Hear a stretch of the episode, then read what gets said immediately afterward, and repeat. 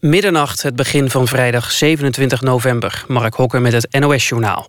President Poetin is bereid om bij de strijd in Syrië... de gematigde oppositie in dat land te ontzien.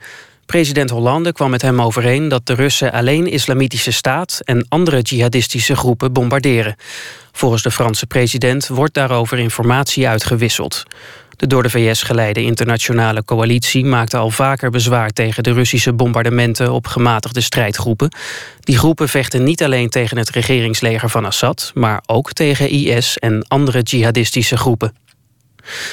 Turkije heeft twee journalisten opgepakt van de krant Cumhuriyet... die kritisch over de Turkse regering schrijft. De hoofdredacteur en de Ankara-correspondent van de krant... worden beschuldigd van spionage en het onthullen van staatsgeheimen. Aanleiding voor de arrestaties is een artikel dat in mei werd gepubliceerd. Op foto's waren Turkse vrachtwagens te zien... waar volgens de krant munitie en wapens in lagen... voor opstandelingen in Syrië. Turkije heeft altijd tegengesproken dat het Syrische rebellen wapens geeft. In Turkije worden vaker kritische journalisten opgepakt. In Mali zijn twee mensen opgepakt voor de aanval van vorige week op een hotel in de hoofdstad Bamako. Wat hun identiteit is en waar ze precies van worden verdacht is niet bekendgemaakt. De aanval was vrijdag op het Radisson Blue Hotel. Daarbij kwamen 20 mensen om het leven en werden 170 mensen urenlang gegijzeld. In de Europa League heeft Ajax gewonnen van Celtic. In Glasgow werd het 2-1 en daarmee houden de Amsterdammers nog steeds zicht op de volgende ronde. Dat geldt niet voor AZ. De club uit Alkmaar verloor thuis van Partizan Belgrado met 2-1 en is daarmee uitgeschakeld in de Europa League. FC Groningen was al uitgeschakeld en verloor vanavond met 2-1 van Olympique Marseille. Het weer, kans op mist en vanuit het westen bewolking. De temperatuur ligt rond het vriespunt, waardoor het lokaal glad kan worden. Overdag in het oosten nog zon, maar vanuit het westen steeds meer bewolking en kans op regen. Het wordt 6 tot 9 graden. Tot zover het NOS-journaal. ANWB Verkeersinformatie. Vier files op de A4 Delft richting Amsterdam... tussen Leidsendam en Dorp. 4 kilometer door werkzaamheden. Ook 4 kilometer aan de andere kant... tussen Zoeterwoude Rijndijk en Leidsendam. Op de A6 Muiden richting Lelystad tussen Muidenberg en Almere Stad West 2 kilometer. En op de A27 Utrecht richting Almere tussen Huizen en afrit Almere Haven 3 kilometer. Dat was de verkeersinformatie. NPO Radio 1. VPRO. Nooit meer slapen.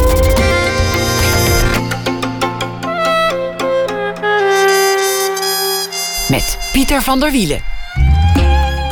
Goedenacht en welkom bij Nooit meer slapen. Straks na één uur de uitvinding van de rock'n'roll. De uitvinder, dat is dan Sam Phillips.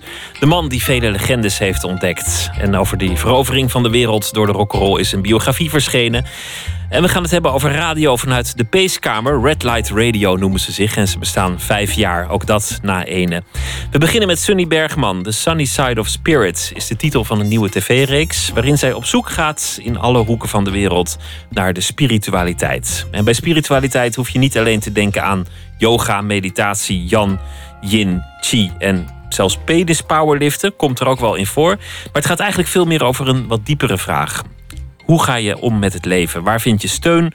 Hoe om te gaan met spanning en met de dood. Sunny Bergman is de meest spraakmakende documentairemaker van Nederland. Ze maakte series over de cosmetische industrie, over het schoonheidsideaal, over de gespleten seksuele moraal. Beperkt houdbaar was de titel van de eerste. Sletvrees was de titel van de ander. Ze heeft ook de seksuele mores in de wereld bestudeerd, The Sunny Side of Sex.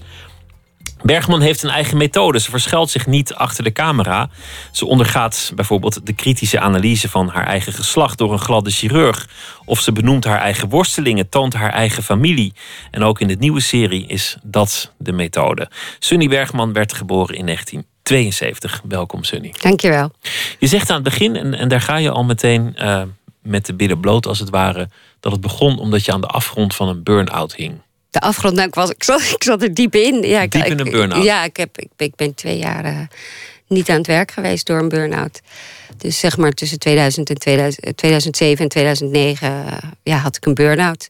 Wat, wat is dat eigenlijk, een burn-out? Ja, dat is best wel moeilijk uitleggen, denk ik, voor mensen die het... Uh, niet hebben gehad. Ik, ik, ik had er zelf ook nog nooit over nagedacht. Ik vond mezelf niet een extreem gestreste persoon. Het is uh, eigenlijk kom je gewoon aan de grenzen van je normale capaciteit. Ik, je, je kan niet meer functioneren. Ik kan me herinneren. Het gekke is, omdat ik er nu natuurlijk wat meer over moet praten... Om, vanwege de interviews rond deze serie... dat ik heel weinig herinneringen heb eraan. Het lijkt ook of een gedeelte van mijn hersenen een soort weggefikt is... die, die in die periode werkzaam was. Um, maar wat er gebeurde was dat ik denk ik een langere periode heel uh, hoog in mijn adrenaline zat. Heel veel op spanning geleefd heb. Het was, uh, gebeurde toen beperkt houdbaar was uitgekomen. En toen was ik van een gewone documentairemaker ineens publiek persoon geworden. En dat was een vrij heftig debat uh, daaromtrent rondom beperkt houdbaar, het schoonheidsideaal van vrouwen. En er ontstond ook een soort van feministische beweging. En we hadden allerlei activistische uh, initiatieven ontwikkeld. Tegelijkertijd uh, had ik in mijn persoonlijke leven gedoe. Dus die twee dingen tezamen zorgden ervoor dat ik constant onder stress stond. En ik merkte gewoon dat ik steeds slechter ging slapen.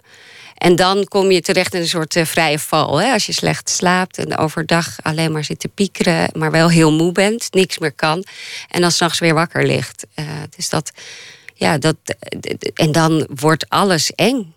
Uh, of, of, of, of moeilijk. Ik, ik kan me herinneren dat als mensen van mijn werk belden, dat ik helemaal hartkloppingen kreeg. En um, een, een, een, een, tripje naar de supermarkt was, was, was al moeilijk. En je hoort, ik, ik, ik weet wel dat ik, voordat ik het zelf had gehad, dat je dan mensen dit hoort vertellen en dat je er niks bij voor kan stellen. Maar het was dus echt alsof allerlei functies, cognitieve functies, gewoon uitgeschakeld waren. Maar als je het zou moeten tekenen, mm -hmm. jezelf bijvoorbeeld met mm -hmm. een burn-out, hoe ziet het er dan uit? Nou, ik kan wel een ander beeld gebruiken. Ik had het gevoel alsof uh, zeg maar de, de dag, de ervaringen die je hebt op een dag, die worden in een glas geschonken. En dat glas stroomde de hele tijd over. Dus er was te veel. Er je waren, kon niks meer hebben. De, alle impulsen die kwamen s'nachts zeg maar, mijn hersenen uh, teisteren. En ik had ook het gevoel dat mijn hersenen een soort gebakken eieren waren. En alsof, uh, alsof voortdurend, ja, die gedachten, die, die waren echt. Je gedachten gaan sowieso met jezelf uh, op de loop, kunnen met jezelf op de loop gaan. Maar nu waren het een soort onrustige pingpongballen voortdurend. En dat, dat was natuurlijk beangstigend, omdat je ineens ook merkt hoe dun de grens is tussen normaal zijn en gek zijn. En ja. waanzin, want, want je was echt op de grens van de waanzin. Een, een bang vogeltje. Nou, dat is misschien, misschien een beetje dramatisch. Ik, ik, heb niet, ik heb nooit, denk ik, echt contact met de werkelijkheid verloren. Maar ik heb wel eens bijvoorbeeld een keer een totale paniekaanval gehad in het tuincentrum. En dat is niet echt een, wat je denkt, een hele beangstigende situatie. Ik bedoel, ik heb in mijn leven van alles gedaan. Uh, uh, maar tuincentrum, daarvan dacht ik nooit dat dat heel eng zou zijn. Maar het, het was dus ik, ik, ik was toen totaal in paniek en ik zocht mijn man en, uh, en ik kon hem niet vinden. En ik dacht, nee, het gaat helemaal fout. En hij zei, ja, ik sta hier gewoon bij de viooltjes. En wat je, is je kookte gewoon over. Ja, ja. Is, is het voorbij? Nou, het is wel voorbij, maar het is wel, ik denk op het moment dat je dat hebt gehad, dat je altijd, ik ben altijd wel een beetje bang dat het weer terugkomt. Nu, deze fase is, is wel druk voor mij, want ik heb de serie nog niet af en ik moet al die publiciteit doen. Dus dan voel ik me wel weer die spanning in mijn lichaam voel ik wel weer. Maar ik heb gelukkig sindsdien al vaker wat uh, gestreste periodes meegemaakt. En elke keer denk ik wel van, oh, het zal het wel goed gaan. Maar het is tot nu toe wel goed gegaan. En um, ja, zoals mensen ook altijd zeggen, het, het, heeft me ook wel veel gebracht. In de zin van dat ik. Nou ja, ja. deze serie gaat eigenlijk, ja, je noemt het spiritualiteit. Ja. Dat, dat zit er ook in. Maar het gaat eigenlijk over hoe ga je om met stress? Bij wie vind je steun? Ja wie zijn eigenlijk de mensen tot wie je richt? Waar haal je je zelfbeeld vandaan? Het gaat over sterfelijkheid. Ja. Hele, hele wezenlijke dingen. Problemen van de geest in, over het, in het algemeen, ja. ja. Het is ook een zachtaardiger serie dan, uh, dan de voorgaande series. Ja, vind je? Milder, ja. ja. Oké, okay, ja. Nou, ja. Niet het is activistisch. Het is niet een polemisch onderwerp wat dat betreft. En ik denk, eh, omdat iedereen, iedereen kent angst en iedereen kent waarschijnlijk uh, niet, misschien niet depressie, maar wel je flinke kloten voelen. Dus wat dat betreft is het natuurlijk heel menselijk. Ja. Is het ook een teken dat je zelf misschien zachtaardiger bent geworden of, of minder strijd? Maar ik vind mezelf altijd zachtaardig. ik vind het zelf sowieso vreemd als mensen. Uh, ik, heb het ik, heb, ik merk natuurlijk wel vaker dat mensen een intense hekel aan mij kunnen hebben. En, uh, en dan denk ik van ja, ik ben best wel. Ik heb echt geen intense hekel aan je. Niet jij, niet jij bedoel ik, maar in het algemeen natuurlijk. Ja, het is gewoon als je in het publieke debat begeeft, dan, dan, uh, dan vinden mensen mij een heel polemisch figuur en kunnen heel, heel veel van mij vinden. Terwijl ik juist het gevoel heb dat ik alles altijd best wel twijfelend of, of genuanceerd uh, benader. Maar ik denk um, op het moment dat je je uitspreekt over seksisme of racisme, dat dat, en als vrouw helemaal natuurlijk, een feministische vrouw. Ik, ik hoorde laatst, als je categorieën hebt van de rangorde, dan staat een feministische vrouw vrij onderaan. En dan een feministische vrouw die tegen Zwarte Piet is, is dan zeg maar de laagste orde. Nou ja, je, je, bent, bedoel, je hebt je wel gemengd in dingen. Ten eerste ben je enorm werklustig. Ja. Je, je, je worstelt met krachten die gigantisch zijn. Televisie, honderdduizenden kijkers. Uh, TV, ik zie het van een afstand als radiomaker, maar het medium leidt stevast tot hysterie bij zowel de makers als de kijkers, wat mij betreft. Mhm. Dat zijn enorme krachten waar je mee hebt gespeeld. En dan laat je ook alles van jezelf zien. Het, het bekendste beeld is denk ik dat bij je bij, die, Medlock, bij dokter Medlock, die, die wel even gaat keuren hoe het geslacht uh, ja. voldoet aan zijn uh, strikte normen. Ja, dat is. Bijna niemand zou dat durven. Nee, dat vind ik dat is wel, wel interessant. Want ik vind dat zelf dan niet zo heel durft. Omdat op dat moment is het heel klein. Als ik het maak, ben ik alleen. Met de geluidsvrouw. Ja, met, met, met, ik was toen met de geluidsvrouw. En dan ben ik gewoon bezig met die film. Ik, ben, ik, ik, ik was laatst weer bij een of andere meeting. En toen ging het over doelgroep, analyse. En weet je wel, wat, wat eh, wil je bereiken? En dan denk ik, daar ben ik eigenlijk nooit mee bezig. Op het moment dat ik iets aan het maken ben. En dat klinkt misschien een beetje pretentieus. Maar dan voel ik mezelf meer een kunstenaar. In de zin van, ik ben gewoon iets aan het knutselen in mijn hoofd en uh, niet bezig met, met de kijker. Ik, ik, als ik iets aan het maken ben, dan wil ik gewoon dat de mensen die ik ken of die ik respecteer, dat, ja, die laat ik het misschien zien. En, en als de maar het, wordt, het wordt niet alleen bekeken in je eigen uh, vriendenkring, het wordt ook bekeken in, uh, nou ja, ik noem maar wat, Purmerend of, of, uh, of Almere Zuid. Ja. En die maar ik denk als mening. je daarmee bezig bent, dan ga je op slot. Dan zou je het nooit meer durven. Nou, niet durven, maar dan, dan kan je niet meer vanuit je eigen innerlijke drive uh, nadenken. Dus ik, ik, ik denk daar gewoon niet aan.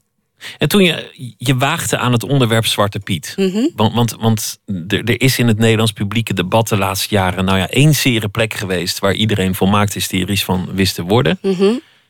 Denk je dan nou, moet ik deze strijd aangaan? Kan ja, ik dit daar, aan? Ja. Nou, want, je, want je haalt krachten uit een la die je misschien liever in die la wil houden. Ja, daar, daar heb ik bij dat onderwerp wel over nagedacht. Want ik had een filmplan geschreven over Zwarte Piet uh, uh, in, in volgens mij in 2007, vlak na Beperkt Houdbaar. En toen heb ik gezegd, omdat ik ook die burn-out had, van uh, dat, dat kan ik niet aan nu. Ik ben ineens zo door de mangel gehaald, zeg maar, omdat ik me uitspreek als feminist. Als ik dan nu ook nog Zwarte Piet ga bekritiseren, dan wordt het too much. Dus toen heb ik dat even on hold gezet. Maar toen, toen dat Zwarte Pieten debat zo um, uit de bocht vloog... en eigenlijk een soort absurde klucht werd... Uh, vooral in 2013 was dat volgens mij toen uh, met petitie... dat 2 miljoen mensen petitie ondertekenden... En er voortdurend, nou ja, nog gekker dat de HEMA iets riep van uh, we willen geen zwarte pieten meer. Hup, gelijk een boycott van de HEMA. En het, als het toch iets verder was gegaan, was er een burgeroorlog uitgebroken over, over dat onzinnige Sinterklaasfeest. Ja, nou ja, het is natuurlijk nog steeds niet voorbij. Hè? Dus, nee. maar, uh, maar toen had ik het gevoel, en uh, ik was ook bezig met die rechtszaak ehm, tegen de vergunningverlening van de intocht bij, in Amsterdam. Was een rechtszaak tegen de burgemeester van Amsterdam. En dat had ik eigenlijk gedaan zonder dat ik uh, bezig was met... ik ga hier een film over maken. Dat, uh, maar toen later, toen uh, Sletvrees klaar was... toen zei ik tegen de VPRO... ja, dit is zo interessant eigenlijk wat hier allemaal gebeurt. Omdat ik het ineens... was ik het nieuws... doordat ik als activist meedeed aan, die, aan die rechtszaak. Dus toen had ik heel het gevoel van... ik moet die film maken. Had en, je dat wel moeten doen? Ik bedoel, oh ja. los van de inhoud... los mm -hmm. van, van, van uh, je, je, idealen, je, je motieven en, en je mening... had je het wel moeten doen om, om zo'n strijd aan te gaan... als je eigenlijk al je adem wat te hoog hebt zitten, je, je, nachtrust niet helemaal afkrijgt? Mhm. Nou, op dat moment ging het eh, goed met me. Ehm, maar het, het, ja, je had kunnen zeggen van het is niet gezond. Aan de andere kant denk ik dat dit soort onderwerpen me ook heel veel inspiratie geven. En, en vooral bij deze film heb ik enorm veel eh, geleerd. Ook over mezelf, maar ook ja, gewoon dus een wereld voor Maar me. je, je, hebt, je hebt ook de hele mestvaal over je heen gekregen. Ja, ja, dat ook. Ja, maar dat kan je ook weer sociologisch eh, bekijken. Dus dat is ook weer interessant. En dat is tegelijk ook weer inspiratie voor eh, waarschijnlijk een nieuwe film die ik voor de VPRO ga maken. Want ik vind De, die. de boze mens. Ja, ik vind die woede die loskomt. En vooral op het moment dat je racisme en discriminatie aankaart. Dat vind ik wel heel interessant. Ja, wat, eh, waar, waar dat vandaan komt. Je noemt uh, en passant sletvrees. Ja. Dat, dat ging over, over de dubbele seksuele moraal. Een, een, een man die veel vrouwen in het bed heeft gekregen, dat is een held. Mhm. Andersom, dan, eh, dan ben je een slet. Ja, Je noemt ook je eigen getal, ja, 35. ja. Twijfel je dan? Moet ik dit wel doen? Moet ik mijn getal noemen? Nee, daar heb ik niet over getwijfeld. Want het, het is intiem. Ik bedoel, ik, ik- ja, of, of, ik denk altijd, je moet het bij vrouwen keer twee doen en bij mannen door de helft. Maar dat. eh, dat Bij mij hoef je het niet keer twee te Dan doen. zitten we op 70. Maar Nou, dat is zo grappig. Ik had een keer met een vriendin erover, die eh, ook eh, zeg maar een bekende vrouw is. En die zei van, nou, ik zou het echt nooit durven zeggen, want mijn getal is veel hoger. Bij jou is het nog een soort van beschaafd, zo van je hebt geleefd, maar eh, het is niet, je bent geen geval apart of zo. Terwijl andere mensen natuurlijk 35 weer heel belachelijk hoog vinden.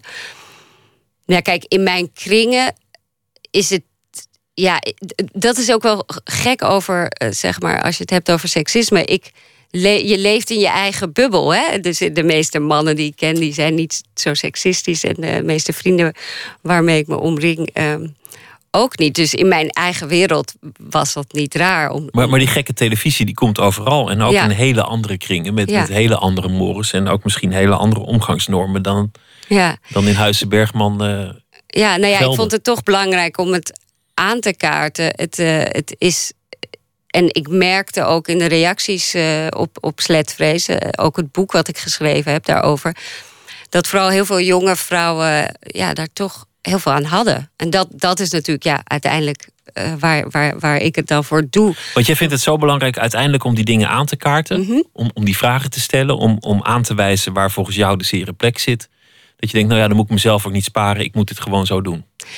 Ja, nou, ik denk dat zeg, jezelf persoonlijk ehm, in de strijd gooien, dat dat de identificatiemogelijkheid voor de kijker verhoogt. En dan moet je niet ehm, persoonlijke dingen erin gooien vanuit een soort narcistisch.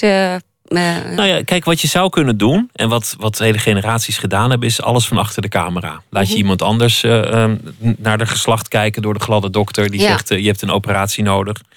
En dan film jij dat. En dan vindt iedereen jou een integere maker. mhm. Maar dan heb je eigenlijk een beetje laffe televisie gemaakt. Nou ja, ik wil andere regisseurs niet laf noemen. En, en, maar zelf begon me op een gegeven moment wel een beetje ongemakkelijk eh, te voelen. Ik heb heel lang, maak ik al documentaires voordat ik beperkt houdbaar maakte. En ik heb daarvoor ook al eh, persoonlijke films gemaakt. Maar ik, er was bij mij wel op een gegeven moment een soort realisatie. eh, toen ik op het ITVA rondliep en zeg maar weer een documentaire zag over, ik noem maar wat, zwerfkinderen op een Roemeense vuilnisbelt. Die echt ook gemaakt moeten worden, die films. Die, die zijn heel belangrijk. Maar ik vind het zelf moeilijk, omdat ik A denk van oké, dan maak ik het film, maak ik een film over het leed van een ander. En dan verandert er eigenlijk niet zoveel in de wereld. En ten tweede, eh, als ik dat zelf deed. Ik heb bijvoorbeeld wel eens een keer een documentaire voor lopende zaken gemaakt. waarbij ik een eh, meisje filmde die zichzelf prostitueerde. en die dakloos was en ook aids had. En, eh, en dan filmde ik haar en dan, dat portret was op televisie geweest. En daarna zeiden mensen: Oh, wat prachtig. En toen dacht ik: Ja, maar wat, hoezo prachtig? Ik stond erbij en ik keek er naar. En ik heb haar niet kunnen helpen met die uitzending. Sterker nog, ze was, eh, ze, was daarna eh, vrij snel ging ze dood. En dus ik, voor mij vond ik dat moeilijk. Het voelde een beetje parasitistisch. En ik vind het ook wel weer ingewikkeld om dit te vertellen, want ik wil niet andere regisseurs die dat wel doen. Er zijn de meest prachtige films en die kunnen natuurlijk ook een andere wereld dichterbij brengen. Ehm, maar ik dacht, hoe kan ik nu zorgen dat films uh, ook een bepaalde verandering teweeg brengen in het hoofd van mensen die kijken over zichzelf? Het, het wint aan urgentie als je jezelf in de strijd uh, gooit. En het is denk ik ook eerlijk als je een andere vraagt naar hun number. Van, Met hoeveel mensen heb je het bed gedeeld? Dat je dan ook je eigen getal noemt. Lijkt me niet meer dan eerlijk. Ja, nou ja, dat geeft wel een bepaalde gelijkwaardigheid uh, tussen, tussen mij en uh, de geïnterviewde. En dat geeft ook een interessante wisselwerking vaak. Dus uh, op het moment dat je zelf je persoonlijk uitlaat, kunnen mensen daar ook weer op, op reageren. En spannender televisie. Doe je ook aan zelfkastijding eigenlijk? Wat bedoel je daarmee? Is, is dat iets wat in jouw karakter voorkomt, zelfkastijding? Nee, volgens mij niet. Je bedoelt dat ik het fijn vind om mezelf te straffen of zo? Nou, je, je, je laat jezelf vaak leiden, vind ik. In die films? In die films, in, in je werk, in, in, uh, in, de, in de strijd die je aangaat met nou, anderen. Nou, wat je misschien bedoelt is dat, kijk, op het moment um, dat je jezelf niet spaart, denk ik dat er meer identificatiemogelijkheid is voor de kijker. Omdat als je iets wil onderzoeken, Um, ik, ik zeg maar wat, zeg maar bijvoorbeeld binnen Zwart als Roet had ik het uiteindelijk over white privilege en de manier waarop racisme in onze samenleving voorkomt. En dan moet je uiteindelijk hoop ik dat mensen zelf onderzoek gaan doen en denken van wat voor uh, racistische denkbeelden heb ik zelf. En dan is het dus ook goed als ik dat bij mezelf doe. Want anders dan um, wordt het een soort van moreel verheven. Laten we luisteren naar een fragment uh, uit aflevering 2 van je nieuwe serie. Ja. En dit gaat over acupunctuur. Mm -hmm. En omdat dat nou eenmaal de vorm, vorm is, onderga je dat zelf. Ah! Auw. Wauw, een soort elektrische dinges. Ha! You mean, uh, I mean, uh, No, don't touch this it. one. I explain to you. Nou, de, de methode Bergman. En ja, ik vind toch dat je niet vrij bent van zelfkastijding. ja, hier in dit geval. Laten we het zo meteen uh, hebben over, over die nieuwe serie. Ja. En, en over uh, die vraag hoe te leven. Maar we gaan eerst luisteren naar Bill Ryder Jones. Met een nummer met de titel Wild Roses. I lost in glances, time is chance. Cause fortune favors everybody but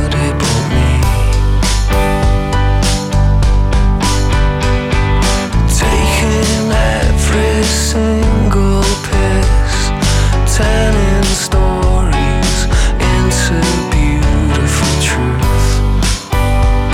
Not that it matters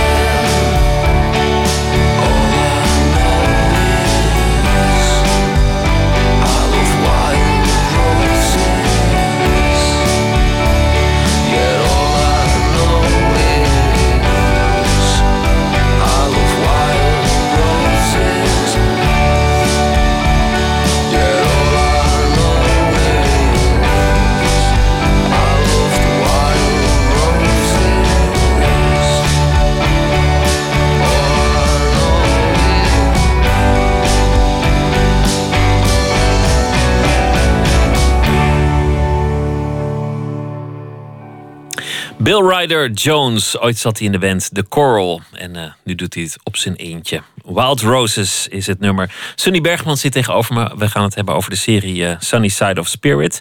Eerst even kennis maken met Sunny zelf. Geboren in 1972 in een eh, milieu van vrije liefde, hippies, idealisme. En uh, Boten op, vooral. Groeide op op een boot. Ja. En een, een, boot die aanvankelijk aan de vecht lag, maar de gemeente die dacht weg met die boot daar en die, die sleept het naar een soort nou, onze, wegsleepplaats. Nee, we, ja, de, de meeste van die boten waar wij lagen was dat het geval. Het was het dwanghaven heette het. Onze boot uh, lag eerst in Amsterdam.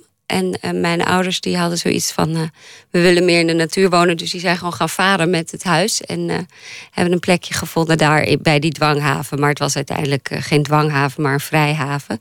Het, was een, een, een hele, het is nog steeds een hele mooie plek. Het is totaal veranderd. Nu is het natuurlijk helemaal verjupt. Want iedereen wil heel daar... Chic, ja. Heel chic. Iedereen wil daar wel wonen. Ik heb ook nog ooit een documentaire gemaakt, een, kleine documentaire over van, uh, van die verandering, die transformatie van Vrijhaven tot uh, nou ja, chique juppenplek. En ja, wij, wij groeiden daarop inderdaad heel vrij en uh, blij. Ja, en, en, en binnen een andere het was echt een ge gemeenschap op zich. Maar waar we naar school gingen, was het al uh, totaal anders. Want, uh, daar, daar woonden de, nou ja, de, de nette mensen. Ja. Of, of misschien de, de burgerlijke mensen of de provinciale. Ik weet niet welk woord jullie gebruikten. Nou, wij, zei, mijn moeder zei de nette mensen. De, de, daar waar je met mes en vork moest eten. En waar mama niet bloot door huis liep en papa niet in zijn onderbroek stond, uh, ja. stond te lamineren. Ja, je hebt je goed verdiept. Ja. Mijn, mijn stiefvader stond altijd in zijn onderbroek te werken. En dan smeekte mijn moeder, want mijn moeder gaf pianoles voor de kinderen uit het dorp. Van alsjeblieft, als de nette kinderen komen, trek, trek in ieder geval een schone onderbroek aan. Niet waar allerlei verfvlekken op zitten. En, uh, maar dat weigerde hij. Ja. Ik kan me herinneren dat wij ooit een, een, een, een, een muziekconcert in de tuin hadden. waarin hij nog steeds in die onderbroek stond. Ja. En wat, wat speelde hij dan? Dwarsfluit. Hij speelt alles. Ja. Maar wat was dan jouw houding als je bij de, de klasgenoten was? Was, was van nou, ik neem ze maar liever niet mee naar huis, want dan zien ze mijn vader in zijn, in zijn vuile onderbroek en mijn moeder naakt? Of was het juist wij hij zijn had wel een schone onderbroek. Hoor. Die, eh, even voor, voor mijn stiefvader. Hij droeg wel schone onderbroeken, maar ze waren vuil van, van het, uh, hoe noem je dat? Van de verf. En zo. maar, um, mijn houding, ja, ik, ik, er was soms wel schaamte. Uh, omdat ik ook gepest werd. Wij, wij, wij, roken een beetje naar de machinekamer. Dus die, als je op een boot woont, is een speciale botengeur. Onze boot... Uh, Olie, ja, ja, vaarde gewoon. Een diesel, diesellucht hing om ons heen.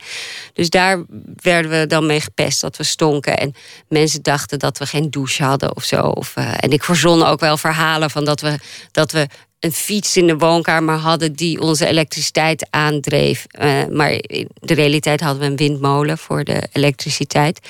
Maar ja, ik had wel gewoon vrienden die bij ons thuis kwamen. En later, toen ik in de puberteit kwam, was het natuurlijk wel cool. Want je kon bij ons gewoon blowen. En uh, dat was oké. En, uh, en, en vonden mijn vrienden, mijn ouders heel erg leuk. Ja.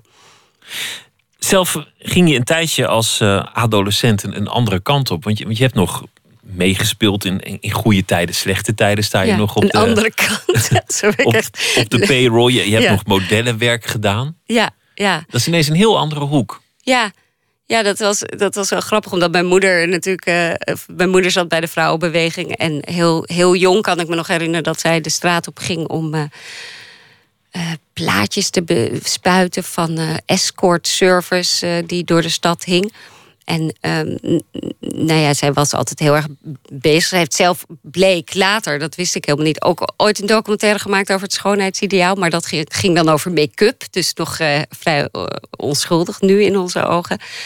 Maar um, ja, zij, zij vond het toch prima dat ik dat wilde. Er zat iemand bij mij in de klas die wiens moeder een modellenbureau had. En uh, ja ik was daar natuurlijk toch wel in geïnteresseerd. En het, het kwam ook omdat ik veel toneel speelde op school. En uh, toen ben ik gaan acteren. Vanuit, ja. vanuit de woonboot naar documentaires maken over het schoonheidsideaal. Dat, mm -hmm. is, dat is een rechte lijn. He, dat is het activisme en, en ja. feminisme. En, en, dan ben je gewoon gaan doen wat er ja. met, met, uh, met, met, de paplepel in is ge, gemieterd. Maar dat je, dat je tussendoor zelf nog hebt deelgenomen aan, aan het toch maken van, van, een soort. En, van een soort glossy glamour iets van jezelf. ja, Vind ik interessant. Ja, ik heb ook wel eens aan mijn moeder gevraagd van wat vond je daar nou van? Maar ik denk dat zij ook gewoon net als een moeder toch wel trots was als ik dan bij de CNA eh, van de- op een poster hing van eh, vier meter hoog. Dus dat het bij haar ook twee kanten had. Maar zij gaf me wel altijd heel erg mee van ja, dat is eh, natuurlijk niet uiteindelijk waar je gelukkig van wordt. en, eh, en dat heb ik zelf ook uit, wel gemerkt. Want ik, ik wou wel echt graag actrice worden. En toen ben ik in Engeland gaan studeren. Omdat ik eh, ja, een soort megalomaan idee had van... nou, als ik dan echt actrice wil worden... moet ik maar gelijk mijn Engels perfectioneren... zodat ik in Engeland of Amerika kan doorbreken. Maar toen studeerde ik filosofie en politicologie. En ging ik wel eens in de vakanties terug naar Nederland en deed ik castings. En ik kan me de laatste keer dat ik een casting eh, deed herinneren... waarbij echt letterlijk eh, gekeken werd naar hoe groot je tieten waren. En dus echt zo op uiterlijk. En dat ik dacht, nou, en ondertussen was ik, weet ik veel, feministische theorieën aan het bestuderen op de universiteit. Dat dit, dit mes. En toch, en toch sluit het een het ander niet uit. Ik bedoel, hoge hakken en een rode loper. Of mooi Nee. willen zijn. Of, of, of Nee, eh, maar dat genieten ook als je niet, goede maar- tieten maar- hebt. Of wat dan ook. Nee, maar dat was niet zozeer het probleem. Ik vond het gewoon heel vervelend om zozeer eh, als op. Ja, gewoon, je bent gewoon wat dat betreft niet subject, maar object. En je bent eh, een soort plakplaatje in het, voor, binnen het hoofd van die, van die regisseur. Maar het verlangen om, om eh, geadoreerd te worden, ijdelheid, Mhm. dat is je niet vreemd. Nee, dat is natuurlijk eh, menselijk.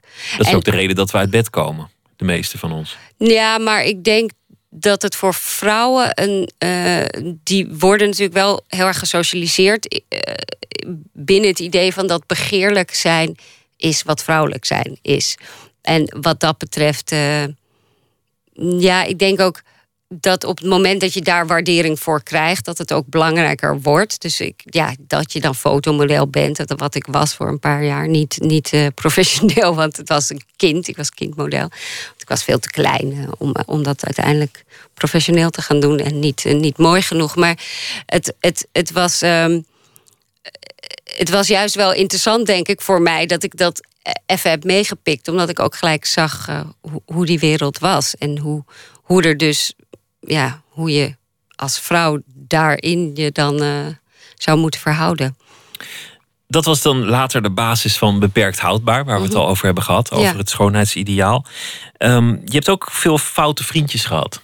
Foute Althans, vriendjes? Nou, de, de- zeg maar de definitie van een foute man is, is een man die, die, die er nog wat andere vrouwen op nahoudt, van wie je nooit precies weet hoe laat hij thuis komt, die misschien ook hier en daar wat cocaïne handelt. Die Oh, een maar dubbel eentje. leven. Nee, je had een Cubaan en je had, je had later nog een jongen in Amsterdam. Oh, je, je hebt mijn heb boek je- gelezen. Ik heb je boek gelezen. Wat erg. Oh, ik heb dat boek. Ik, ik, ik ben trots op het boek hoor, maar ik heb soms denk ik, oh, waarom heb ik dat allemaal opgeschreven? Ik Waarom durf heb je dat allemaal opgeschreven? Nou, de- ja, dat is hetzelfde als waar we het aan het begin van het gesprek over hebben. Als je bezig bent met iets aan het creëren, denk ik niet na over, over dat dan mensen het later ook lezen. Ik wil gewoon, ik ben gewoon bezig met een, een mooi verhaal te schrijven wat relevant is. Of, of in ieder geval, ik heb persoonlijke verhalen gebruikt die dan weer binnen een theoretische context. Nou, maar daarom vind ik het fascinerend. Want je kunt dus alle feministische theorieën ja, erop naslaan. ja, en toch op foute mannen vallen. En gewoon vallen op die man die, ja, die een tik op je billen geeft. Of die zegt nu even stil, want mijn vrouw is aan de lijn. Of, eh, of dat komt was, zo... niet, was niet het geval. Maar, maar, ja, of hoe nou ja, maar, maar kijk, de, de wereld is natuurlijk ook gewoon niet zwart-wit, maar grijs. eh, zeg maar, allerlei grijs tinten. En, en die jongen, die, die ex waar je dan nu op doelt, die dus inderdaad eh, ook wel eens eh, eh, in cocaïne handelde, die was ook een hele goedhartige, eh, lieve man. Dus en kijk, die aantrekkingskracht voor, voor, voor ja, was wel macho in de, in de traditionele zin van het woord. Dat is ook wat ik in het boek Sletvlees probeer te onderzoeken van, van waarom, waarom is dat zo dat vrouwen daar dan op vallen en en ja, als je het dan verder doortrekt. Ik heb bijvoorbeeld ook gekeken naar seksuele fantasieën. Veel vrouwen hebben verkrachtingsfantasieën. En dat het, het, het is natuurlijk. Intellectueel kan je van alles vinden, maar je bent ook gesocialiseerd op een bepaalde manier. En ik denk dat dat ook met die sletvrees te maken heeft. Nou, niet zozeer Die, want ik heb dat, dat nog niet zo goed onderzocht hoor, van die aantrekkingskracht van foute mannen. Maar fout, ja, dat vind ik ook weer. Nou ja, mannen die niet voldoen aan je eigen verheven ideaal. Ja, maar ik heb ook geen verheven ideaal. Kijk, ik heb nu bijvoorbeeld een, een man die, die heel geëmancipeerd is, enerzijds, dus super zorgzaam. En, eh, en, maar aan de andere kant ook weer wel macho. Ik bedoel, als hij het brood snijdt, dan doet hij dat met een zaag als het brood uit de vriezer komt of zo, weet je wel. Dus het is, iedereen heeft alle kanten in Het is, zich. ook, het is ook maar net op wie je valt. Ja. Je huidige man, Ja. verdedigt hij eigenlijk ook zijn privacy? Zegt hij van nou, dit moet je niet zeggen op televisie... of, of dit moet je niet publiek maken... of hier wil ik het niet over hebben? Nou, ik denk dat dat over die exen vindt hij wel, eh, waar je, dat je er nu, dat vindt hij dan volgens mij wel minder.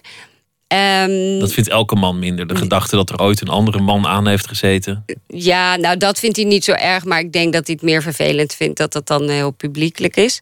Want hij heeft, dat is wel grappig, we ontmoeten elkaar en, en we- op een gegeven moment hadden we het daarover. En hij heeft precies hetzelfde getal eh, qua sekspartners gehad. Dus dat, eh, Maar we- door twee. Hè? Gedeeld door twee. Oh ja, omdat mannen altijd opscheppen. Nou, volgens mij eh, was dat niet het geval. Tenminste, denk ik niet. Want, maar, eh, en we waren even oud toen we elkaar ontmoetten. Dus dat gaf een goede basis. Maar ehm, ja, hij was, hij was niet zo heel erg voor die Zwarte Pieten film bijvoorbeeld. Nee, Vond hij niet verstandig. nee, nee. Over televisie wil Ja. ik het ook nog hebben. Want, want je, je hebt alle kanten van dat medium meegemaakt. Je hebt ook de reportage gemaakt in, in de meest clichématige vorm die, die, Ja. die je wel eens ziet. Je hebt documentaires gemaakt. Je hebt met Frans Bromet ge- eh, gewerkt, een, een, een legende Ja. in het genre. Mhm. Je hebt je eigen stem gevonden in dat medium. Je, je, je bent tot activist verheven, tot spraakmakend documentairemaker. Je krijgt nu de deur open bij de VPRO om, om dingen te maken waarvan ze tien jaar geleden zouden hebben gezegd: spiritualiteit, donder op. Ja. Vermoedelijk hadden ze dat gezegd tien jaar geleden. Ja. Verveelt het medium je? Vervult het? Verveeld. Oh, verveeld. Ehm, nee, nog niet. Maar ik, ik, ik vind het bijvoorbeeld wel heel leuk om daarnaast ook te schrijven. Ik schrijf nu ook eh, regelmatig columns. En ehm, probeer ook ja, meer op activistisch gebied. Of nee, activistisch, maar ik probeer ook wel andere projecten te ontwikkelen. Dus ik probeer niet alleen eh, mijn eigen dingen te doen. Nu bijvoorbeeld ben ik bezig om diversiteit te bevorderen binnen, binnen de VPRO en de NPO. Dus dan probeer ik andere mensen een beetje te coachen. Want televisie is natuurlijk voor een deel ook Vluchtig. Ja. vluchtig. Het is ook voor een deel vermaak. Ja. En ik heb de indruk dat er bij jou echt ook een wens in zit om, om, de, om de wereld te veranderen. Of, Ja. of in ieder geval dingen aan te kaarten. Ja. Nou ja, kijk, het is, het is altijd een eh, balans. Want als je televisie maakt, mo- moet, moet het inderdaad vermaken. Dus, eh, ehm, maar het is tegelijkertijd, ja, je kan gewoon zoveel mensen ermee bereiken. En, en ik ben altijd blij als ik het idee heb dat mensen een klein beetje nieuwe gedachten hebben gekregen door het kijken van, eh, van mijn werk. We gaan het straks maar eens echt hebben over die spiritualiteit. Ja. Maar laten we eerst luisteren naar eh, Liz Wright. Want eh, die maakt soulmuziek en ook eh, gospelmuziek. En ze heeft nu een album Freedom and Surrender. Waarvan we gaan luisteren naar The Game.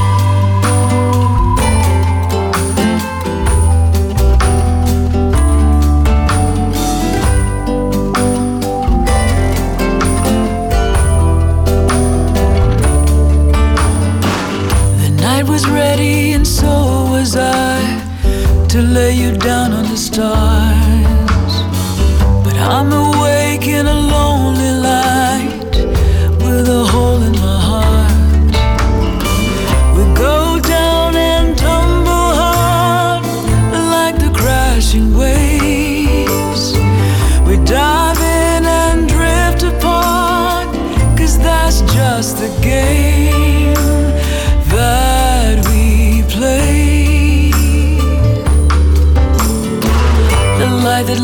that after love is made is worth the price we pay.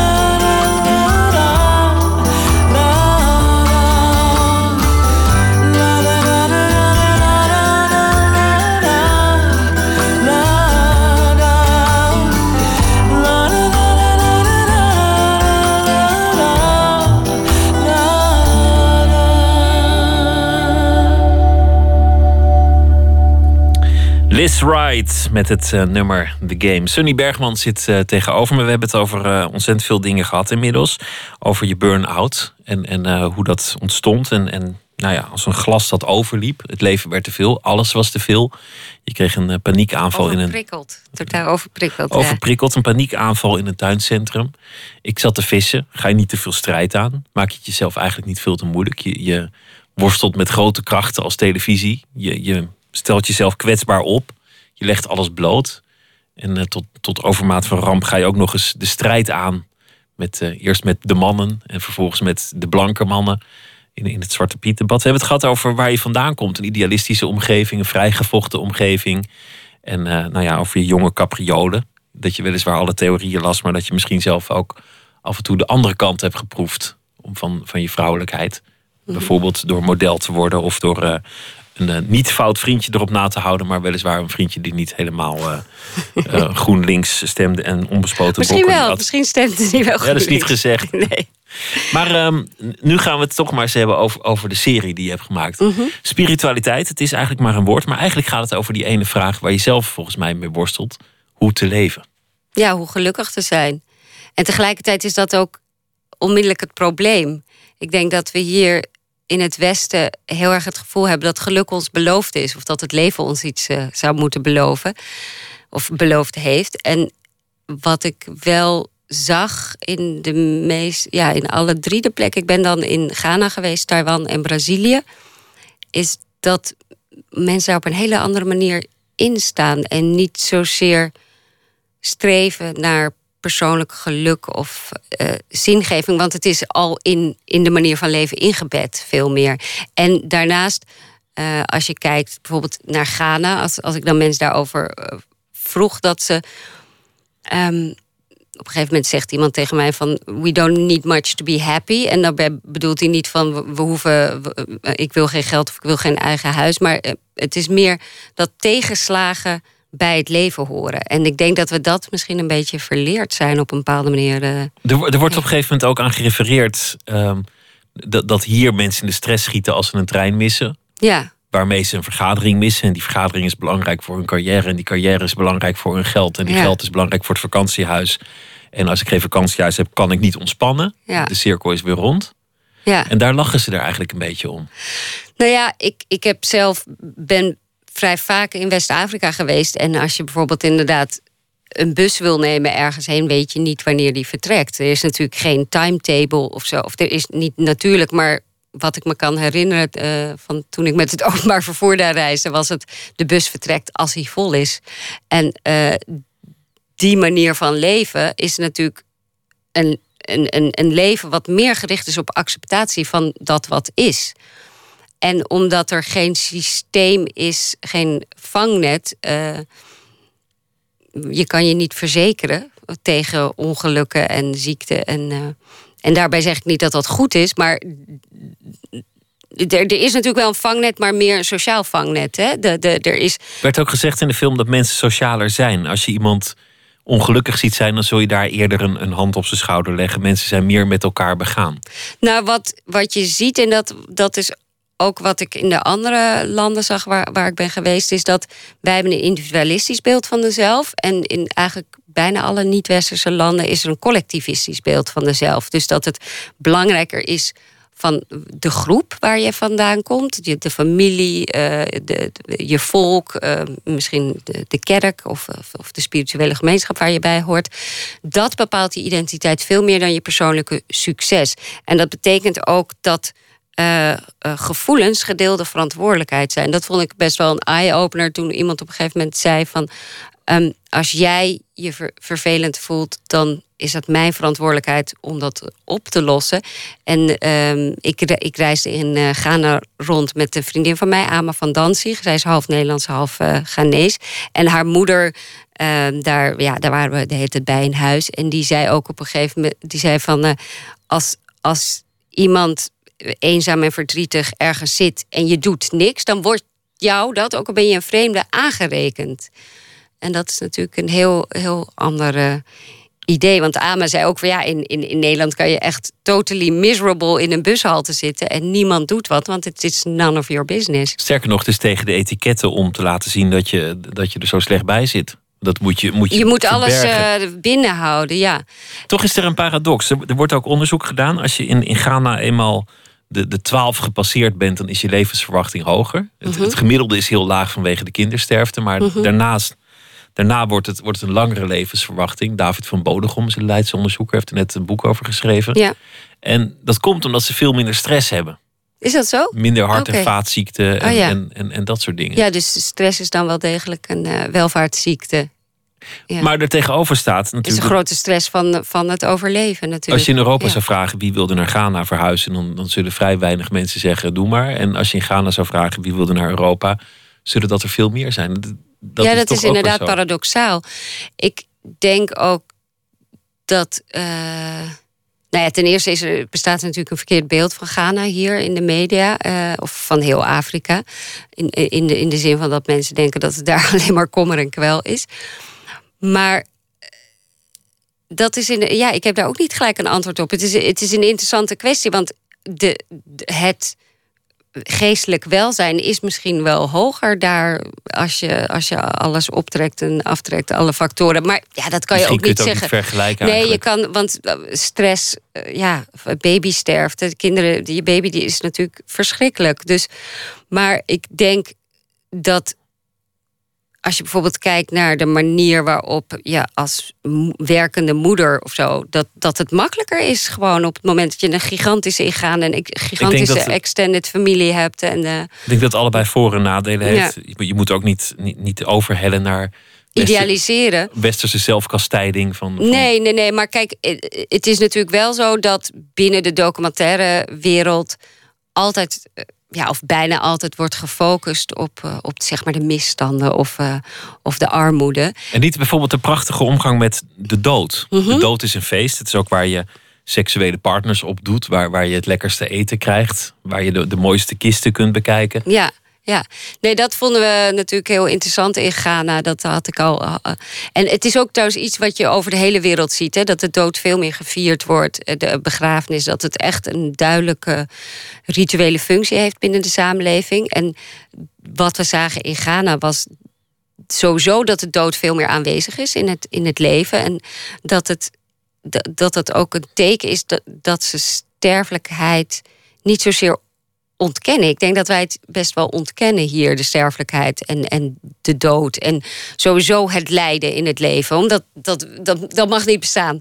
En ehm, in Ghana ja, waren, vertelde Ama, dus die, die mijn gids was, van ja, we hebben wel elk weekend drie begrafenissen.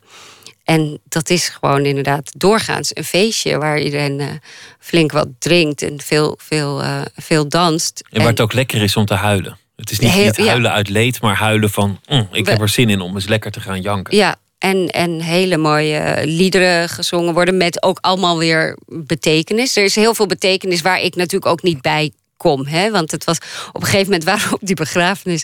was best wel gênant. We kwamen aan en we waren een beetje te laat. En toen eh, waren de mensen die. eh, de percussionisten die hadden hun trommels al opgeborgen. En toen zei ik ook, kunnen jullie niet eh, nog even trommelen voor ons? En nou, toen deden zij dat.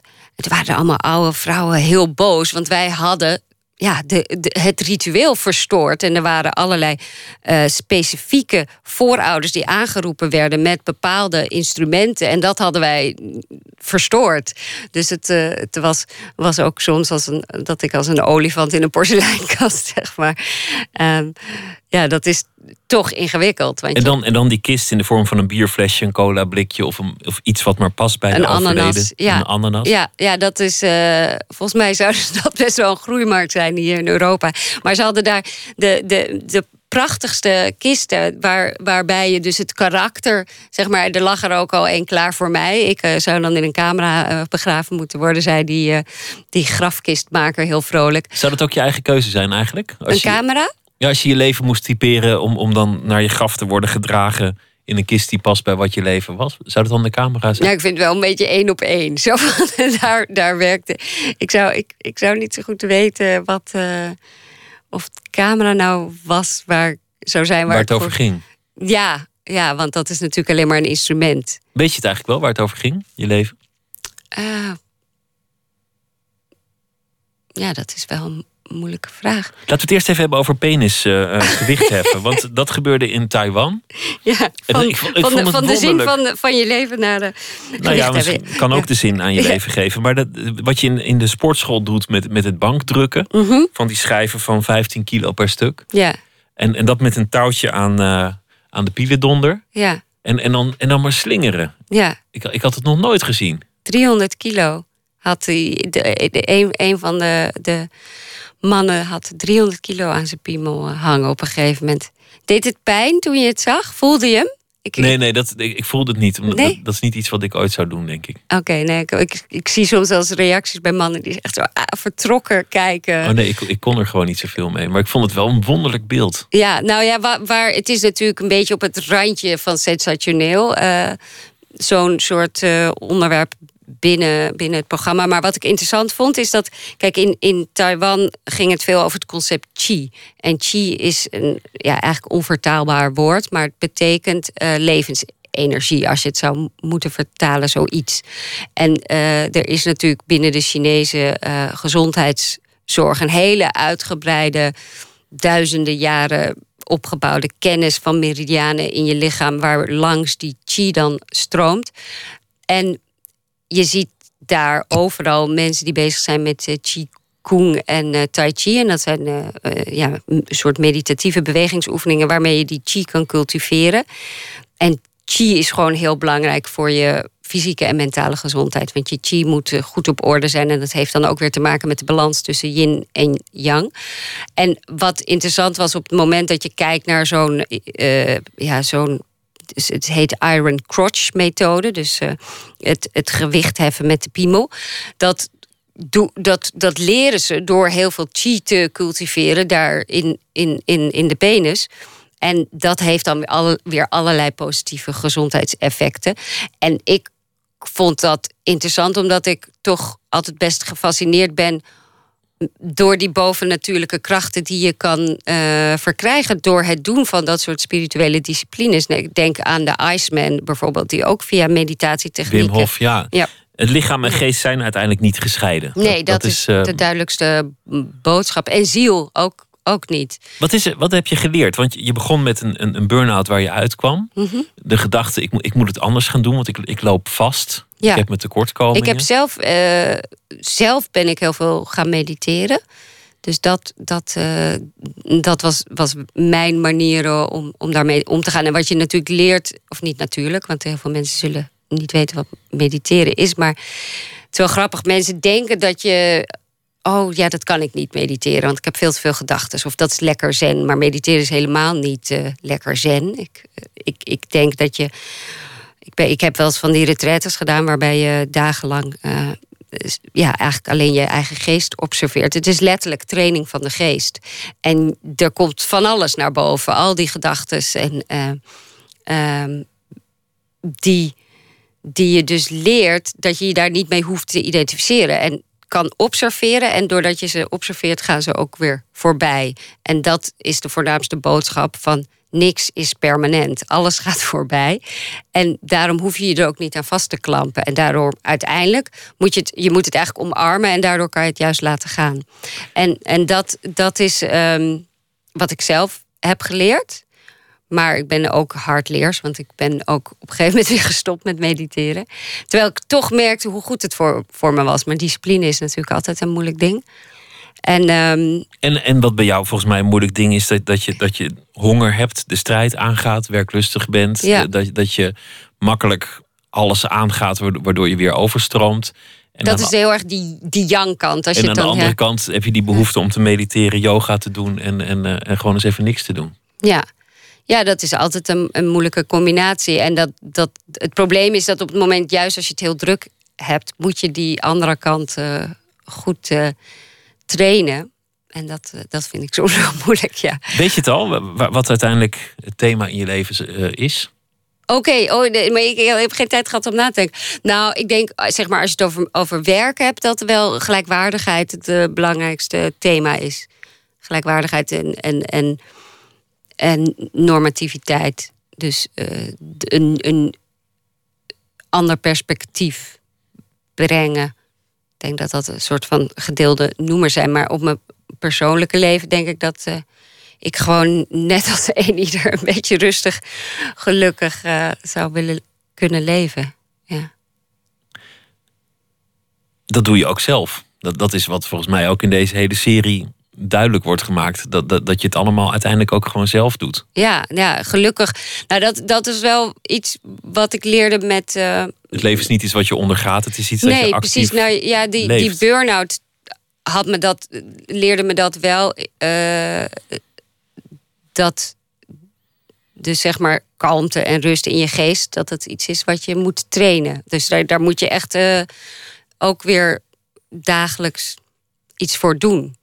En dat. Uh, ik weet wel dat mijn moeder dat vroeger altijd tegen me zei: van nou, als je dan heel moe bent naar je werk, moet je even een wandeling maken in het bos of zo. En, en, en dat ik dan, ah, mam, weet je, ik wil gewoon uh, lekker in de kroeg hangen met mijn vrienden, weet je wel, doorlullen. En, en dat ze toch gelijk heeft. Maar ja, alles in balans vind ik, vind ik ook super suf. Ik bedoel, mensen, Ja. die, mensen die alles netjes doen. Hè, maar jij gaat een strijd aan en je gaat, je gaat misschien op, op je plaat. Of je werkt te hard en je krijgt een burn-out. Dat is net zoiets als iemand die, eh, die, die een avond doorzakt en een kater heeft. Ja, Maar, en dan denk je wel, als je die kater hebt, waarom, waarom ben ik dat nou weer aangegaan? Maar als je dat nooit zou doen, als alles altijd yin en yang in balans zou zijn, dat is toch ook geen leven? Je moet uitglijden. ja. Ja, nee, maar dat, dat is natuurlijk ook de manier waarop je dan eh, uiteindelijk weer een nieuwe realisatie krijgt. Wat, wat, wat ik wel interessant vond, want je hebt de aflevering van Brazilië, die is nog niet af, dus die, die heb je waarschijnlijk niet gezien. Maar wat ze, wat ze daar ze- zeggen, ehm, we hebben daar gekeken naar candomblé, dat is een eh, religie, een Afro-Braziliaanse religie, die uitgaat van het eh, idee van er zijn allerlei natuurkrachten en die, die hebben de vorm van goden. En op het moment dat er iets. Moeten we, zijn we klaar? Ja, we zijn klaar. Oké. Dus, die, die komt op tv, dat kunnen mensen Ja, gewoon zien. Sunny Bergman, dankjewel. En eh The Sunny Side of Spirit heet de serie. En dat van die Braziliaanse goden, dat eh, Ja, dat gaan we houden zien. we te goed. We gaan zo meteen verder met Nooit meer slapen.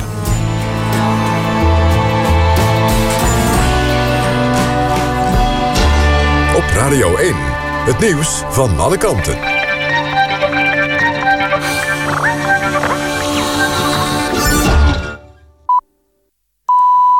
1 uur, Mark Hokker met het NOS-journaal.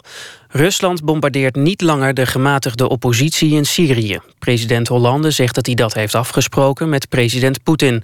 Volgens de Franse president zullen de Russen alleen Islamitische Staat... en andere jihadistische groepen bombarderen. Verder is Rusland bereid om samen te werken met de door de VS geleide internationale coalitie. Die coalitie maakt al langer bezwaar tegen de Russische bombardementen op gematigde strijdgroepen. Die groepen vechten volgens de VS niet alleen tegen het regeringsleger van de Syrische president Assad, maar ook tegen IS en andere jihadistische groepen. Turkije heeft twee journalisten opgepakt van de regeringskritische krant Cumhuriyet. De hoofdredacteur en de Ankara-correspondent worden beschuldigd van spionage en het onthullen van staatsgeheimen. In mei publiceerden ze foto's van Turkse vrachtwagens waar volgens de krant munitie en wapens in lagen voor opstandelingen in Syrië. Turkije heeft altijd tegengesproken dat het Syrische rebellen wapens geeft. In Turkije worden vaker kritische journalisten opgepakt. In Mali zijn twee mensen opgepakt voor de aanval van vorige week op een hotel in de hoofdstad Bamako. Wat hun identiteit is en waar ze precies van worden verdacht is niet bekendgemaakt.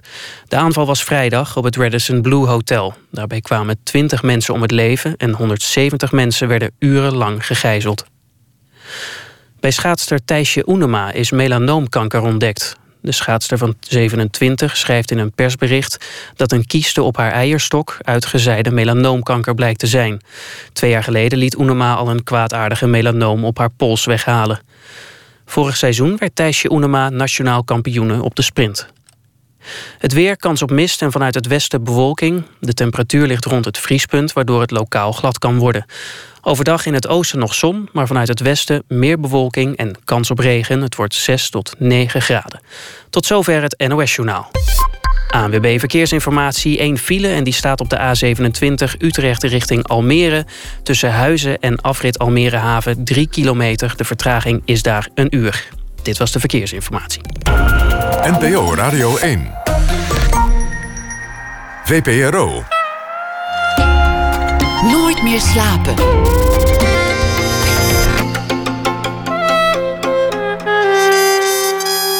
Met Pieter van der Wielen. Straks een eh, gesprek met Hubert Smeets. Journalist heeft een boek geschreven over uh, Poetin. De wraak van Poetin. We gaan naar een beestkamer op de Amsterdamse Wallen. Want daar vandaan wordt Red Light Radio uitgezonden. Een internetradiostation dat vijf jaar bestaat. En Don Duins zal deze week elke nacht een verhaal voordragen. Dat hij speciaal voor dit programma schrijft over de afgelopen dag. En hij heeft ook een nieuwe verhalenbundel geschreven. Het lelijkste meisje van de klas. Don, goeienacht. Goeienacht, heftige onderwerpen.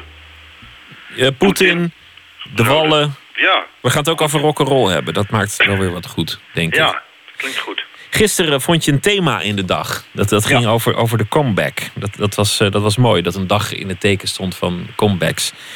Vond je vandaag één rode draad in deze dag? Ja, ja, ik begin er een beetje in te groeien in deze, in deze nachtelijke escapades. Ja. Um, het heet nieuwsvermijders. Slecht nieuws is nieuws. Goed nieuws bestaat niet. Leidt een vaste les op journalistieke opleidingen.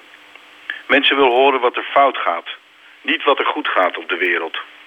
Maar is dat wel zo? Vlak voor de aanslagen in Parijs en die op andere plekken op de wereld... verscheen een stuk in de bijlage van het Parool... over mensen die niet langer het nieuws volgen. Zogenaamde nieuwsvermijders. Niks via internet, geen krant, geen journaal of actualiteitenprogramma's. Zoals een van hen zegt, het ramptoerisme, ik kon er niet meer tegen. Het niet meer willen opnemen, niets meer binnen laten komen, je afsluiten voor alle ellende. Ik begin het steeds beter te begrijpen. Laatst heb ik een nacht wakker gelegen nadat ik het ooggetuigenverslag van vier overlevenden van de aanslag op Bataclan op tv had gehoord. Bataclan, dat klinkt bizar genoeg ook al als oud nieuws. Op de begeleidende foto's bij het artikel over de nieuwsmeiders zie je tevreden, ja stralende mensen. Het doet ze duidelijk goed. Het niet langer volgen van de, nieuwsstroom, de diarree aan feiten en ellende. Zoals Juriaan Kamp, oprichter van het blad Ode, zegt... Wat heb ik aan een bericht, 133 keer per dag... dat een bus in Turkije in een ravijn is gereden. Het is ver weg, gaat ons niet aan, we kunnen er niets aan doen. Begrijpelijk, maar ben je dom als je niet weet wat er op de wereld speelt? En zou het kluppen, kloppen? Dat je gelukkiger bent als je je van elke vorm van nieuwsconsumptie onthoudt? Of ben je dan een gevalletje struisvogel? Wat je in elk geval mist als nieuwsvermijder is het positieve nieuws. Dat er soms toch ook nog doorheen sijpelt. Als ik alleen al vandaag in wat kranten kijk, vind ik opmerkelijk veel berichten die de burger moed geven. Ik som ze even kort op. In de Volkskrant vertelt de Amerikaan Mark Shepard, die opmerkelijk veel op acteur Bill Murray lijkt, over zijn voedselbossen. Waar op een nieuwe, duurzame manier diverse gewassen voor ons eten zorgen. In Trouw heeft ex-extremist Iyad el Baghdadi de oplossing voor de IS. Word vrienden met een moslim. Want, zo zegt hij, liefde vernietigt hun geloof. Ook in de Volkskrant een artikel over kunst als antwoord op wapengekletter. Soft power noemt Nina Volkersma dit. Zij is voorzitter van Art Table.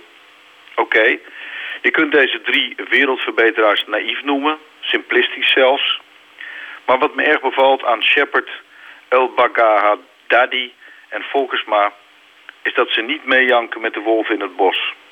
Geen oorlogstaal, geen agressieve retoriek. Nee, een oprecht geloof in ecologische landbouw, vriendschap tegenover extremisme en zachte krachten tegenover harde daden. En dat is me toch liever dan de nieuwsmeiders. Natuurlijk moet iedereen zelf de grens trekken tot in welk detail hij of zij verslag van de verzekeringen wil krijgen. Maar er is nog zoveel meer op de wereld. En niet alles daarvan heeft een donkerrood randje. Er stond trouwens vandaag nog één leuk nieuwtje in de krant. De Telegraaf in dit geval. Het spotje met de wraaknemende Rolo-olifant is gekozen tot beste reclamespot van de afgelopen eeuw. Ik daag u uit om aan dat spotje met dat etterjochie en de olifant met het perfecte geheugen te denken zonder te glimlachen. Punt. Don, dankjewel. Het is inderdaad, eh, er is ook goed nieuws. En eh, dat haalt niet altijd de krant. Maar om nou je helemaal af te sluiten voor de wereld, dat lijkt me ook weer zo wat. Nee, en vandaag haalde het dus wel de krant. Ja, als je maar dank goed kijkt. die dat had opgespoord. Ja.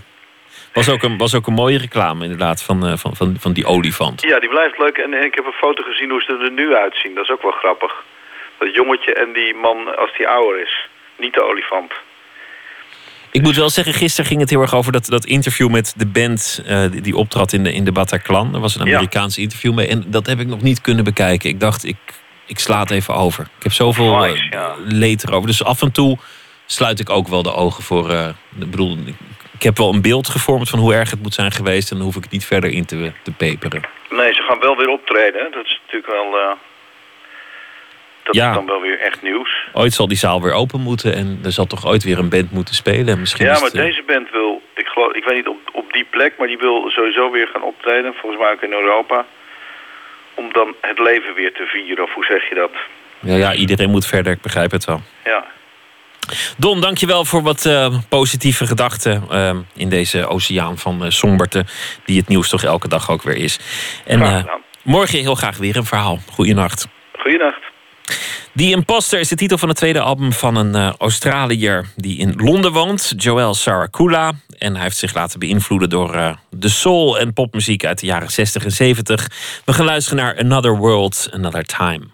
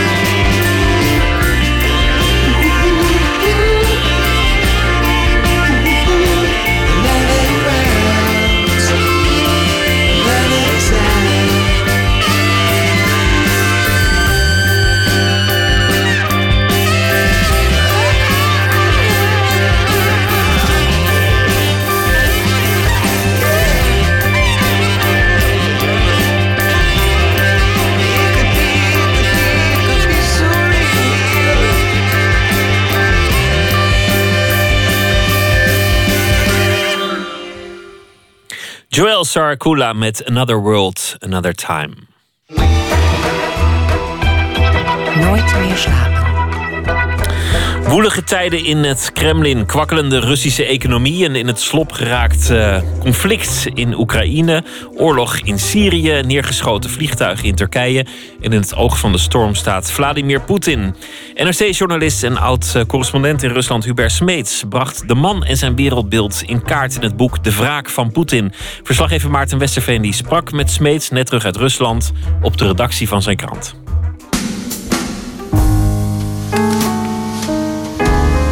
Wat moeten we maken van Vladimir Poetin? De ene week onze bondgenoot tegen IS, de volgende de grote vijand van het Westen. In Hubert Smeets boek De Wraak van Poetin probeert de schrijver de Russische president en zijn wereldbeeld nader te duiden. Ik zit samen met Smeets op de redactie van zijn krant, NRC, en kijk naar drie door hem geselecteerde beelden die volgens Smeets de president precies karakteriseren. Het eerste beeld komt uit 1999. Мы будем преследовать террористов везде. В аэропорту, в аэропорту. Значит, вы уж меня извините, в туалете поймаем и, и, и в сортире их замочим, в конце концов. Все, вопрос закрыт. In, uh, in, 19, uh, in het najaar van 1999 was Poetin uh, premier van Rusland. Yeltsin was toen nog president. En in de Caucasus leidde de oorlog weer op. Met name in Dagestan waren gewapende opstandelingen in actie gekomen. En premier Poetin uh, sprak zich toen publiek. Hij was niet een publieke persoonlijkheid geweest tot die tijd. Sprak zich tot die, toen voor het eerst uit. En gaf zijn, je zou kunnen zeggen, linguïstische, verbale visitekaartje af. Hij zei niet dat hij de terroristen in Dagestan zou vernietigen. Nee, hij zei: we gaan ze achtervolgen. Waar ze ook zijn. Op de vliegvelden, op de straten. En we zullen ze uiteindelijk dwars door de play stampen. En dat woordgebruik is uh, eigenlijk zijn handelsmerk geworden. Als het spannend wordt, of als hij een deel van het Russische volk wil paaien, dan gebruikt hij, je zou kunnen zeggen, uh, niet gecensureerd, zoals het in het Russisch is, niet gecensureerde taal. Dan gaat hij uh, gevangenistaal spreken. En dat is in, in, in Rusland veel gebruikelijker ehm, dan wij denken. Um, in, in 1999, toen Poetin nog slechts premier was, wel was voorbestemd door Yeltsin om president te worden, maar het nog niet was, um, gebruikte hij um, die niet gecensureerde, die ondiplomatieke taal om duidelijk te maken aan het Russische volk: ik ben geen watje, ik ram iedereen dwars door de play heen uh, die mij in de weg zit. En dat heeft hij voor een deel ook gedaan. Je noemde net gevangenistaal. Wat is het eigenlijk precies? Is dat ook echt een, is dat een Russisch begrip, gevangenistaal? Ja, dat, dat, er zijn, de Russische gevangeniscultuur, dat heeft elk land natuurlijk... maar ook de Russische gevangeniscultuur heeft een eigen taal. Ik zeg niet dat ik die goed spreek... Maar ik hoor van mijn uh, Russische vrienden en kennissen dat, hij, dat Poetin daar soms uh, naar neigt. En dat is de taal van de, je zou kunnen zeggen, de echt vrije jongens. Je hebt in Rusland twee woorden voor vrijheid. Een soort van maatschappelijke vrijheid, zoals wij dat ervaren. Dat je elkaar niet op de bek slaat, et cetera, et cetera. En je hebt het woord voor vrije wil, wilskracht. En, en die vrije wil die kan je overal ervaren, zelfs in de gevangenis. Uh, bijvoorbeeld door een cipier gewoon tegen de grond te slaan. Uh, dat is ook een vorm van vrijheid. En, en Poetin speelt met, met die, die vrijheid die uh, in het Nederlands kan worden vertaald met wilskracht.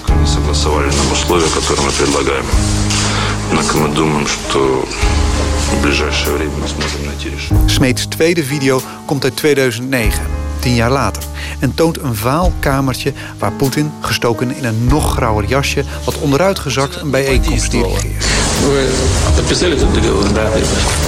Олег Владимирович подписал? Hm? Что не вижу, уже подписали. Пишите. Dit is een uh, heel helder moment waarin Poetin laat zien wie er de baas is. Wij denken dat Yeltsin de Russische industrie heeft geprivatiseerd en dat oligarchen daar rijk van geworden zijn en uh, het land nu runnen. Het is eigenlijk omgekeerd. De privatisering in de jaren 90 heeft uh, de staatsindustrieën niet in eigendom gegeven aan de oligarchen, maar alleen maar in beheer gegeven aan de oligarchen. En op dit moment zie je dat. Aluminium-oligarch Deripaska wilde in het, noorden van Rusland, vlak onder Sint-Petersburg, een fabriek sluiten. Een cementfabriek sluiten. Dat zou betekenen dat um, bijna alle werknemers in dat stadje werkloos zouden worden. Poetin ging naar die fabriek toe. en naar het stadje toe. En hij dwong Deripaska om een eh, eh, contract te tekenen... waarmee Deri- Deripaska beloofde dat de niet rendabele cementfabrieken open zouden blijven. Ehm, en dat deed hij op een hele intimiderende, manier. Terwijl de televisiecamera's van de Russische staatstelevisiezenders draaiden. Hij zei: Hé hey Deripaska, ik zie hier onder dit contract jouw handtekening niet. Wil je even tekenen? En geeft vervolgens. Ehm, eh, gooit eigenlijk, zou je kunnen zeggen, dat, dat velletje papier met het contract naar Deripaska. Die daarvoor gezegd had dat hij het besluit zou heroverwegen. Maar dat was onvoldoende. Deripaska die staat op, tekent met gebogen hoofd het contract. Eh, en dan komt de uitsmijter. Daarna zegt Poetin. En die pen, die moet ik ook terug. Daarmee gaf Poetin aan dat het bezit van de oligarchen eigenlijk nog steeds staatsbezit is. En dat de oligarchen dus met andere woorden in een soort van neo-feudale verhouding staan tot het Kremlin.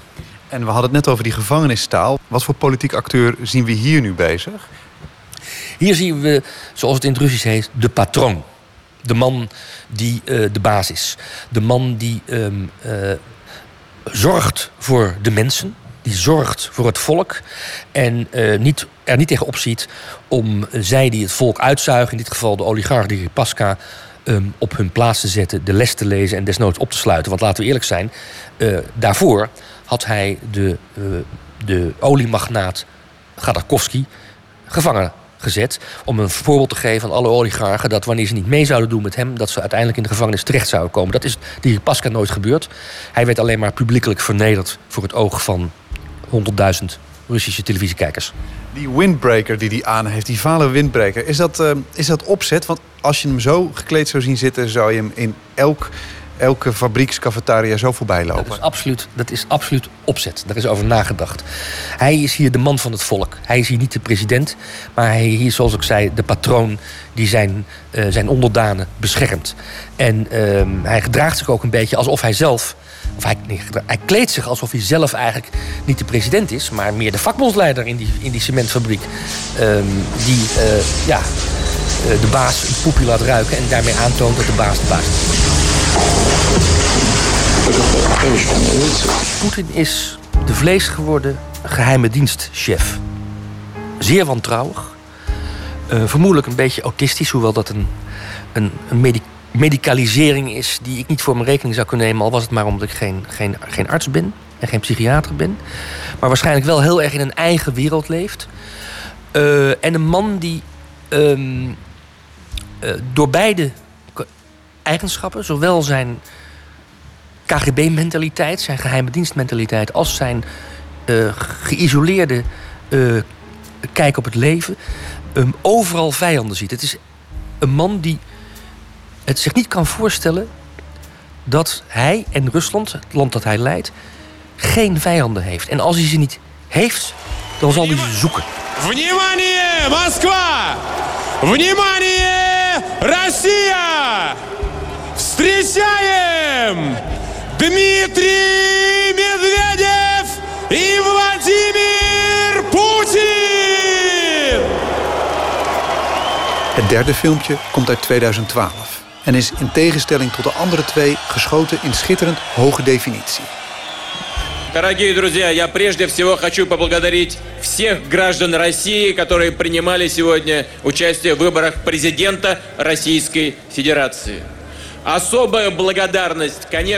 Ja, dit is een eh, cruciaal moment. De herverkiezingen in maart 2012 van Poetin. Een groot podium vlak onder de, onder de muur van het, eh, van het Kremlin... op het zogenaamde Manegeplein in Moskou... Ehm, is opgesteld om de verkiezingsoverwinning te vieren. Deze verkiezingen werden gehouden in het licht van dat burgerprotest in Moskou... tegen de eh, verkiezingsfraude een paar maanden daarvoor bij de parlementsverkiezingen. Eh, Poetin wordt geïntroduceerd door scheidend president Medvedev.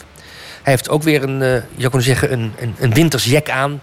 Eh, geen burgerlijk jasje zoals Medvedev, met dat billentikkertje. Wat iets te kort is ook. Nee, Poetin ziet eruit als een man. Maar hij heeft een traan in zijn ogen. En niet één traan. het komt dus niet door de kou. Hij huilt eigenlijk. En volgens zijn voormalige spindokter en fixer Gleb Pavlovsky... huilde hij echt. Omdat hij deze verkiezingsoverwinning anders ervoer dan de verkiezingsoverwinningen in 2000 en 2004.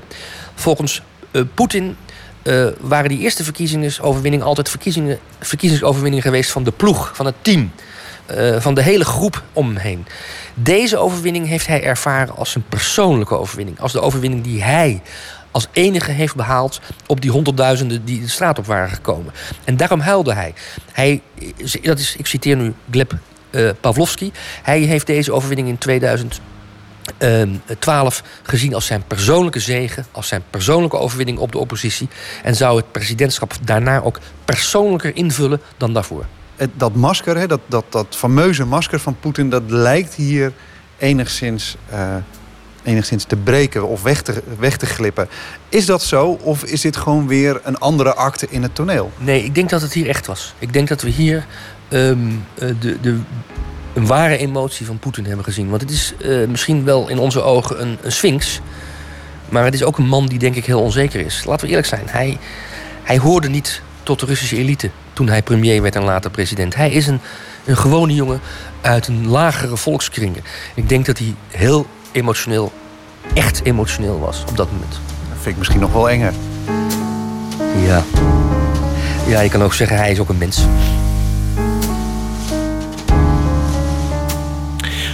Journalist en oud-Rusland-correspondent Hubert Smeets over het boek De Wraak van Poetin. Verschenen bij Prometheus, een bijdrage van Maarten Westerveen. Volgende week vrijdag dan zal ze optreden in de Belmer Bierhal. Cella Sou uit Vlaanderen, in eh, Amsterdam dus. Vier jaar geleden brak ze door met de single Ragamuffin.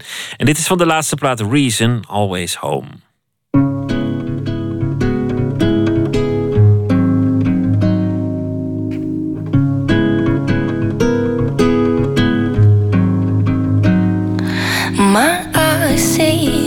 Rest of the way long before I know the secrets of my expectations.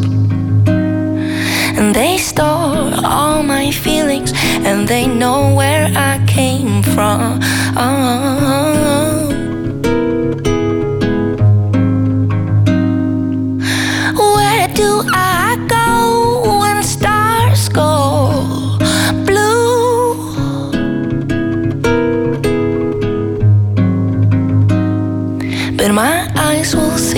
The rest of the way long before I know these secrets of mine. Ooh. This broken mind, these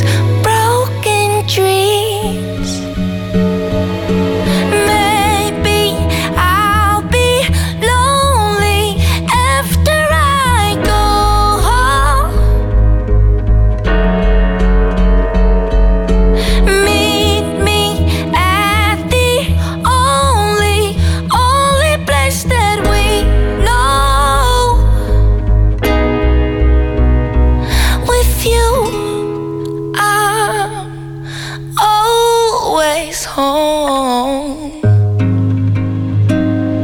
My heart beats every day harder than before. These feelings of pure excitation. And it stores all these feelings and it knows where I came from.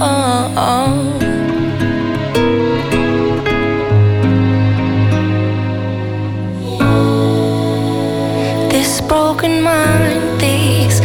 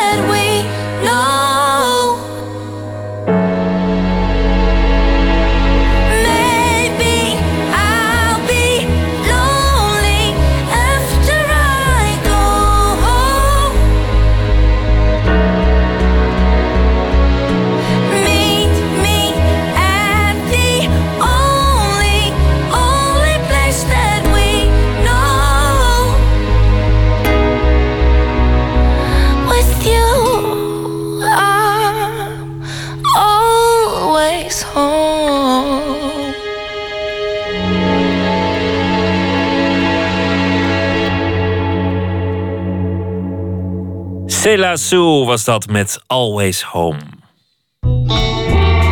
Nooit meer slapen.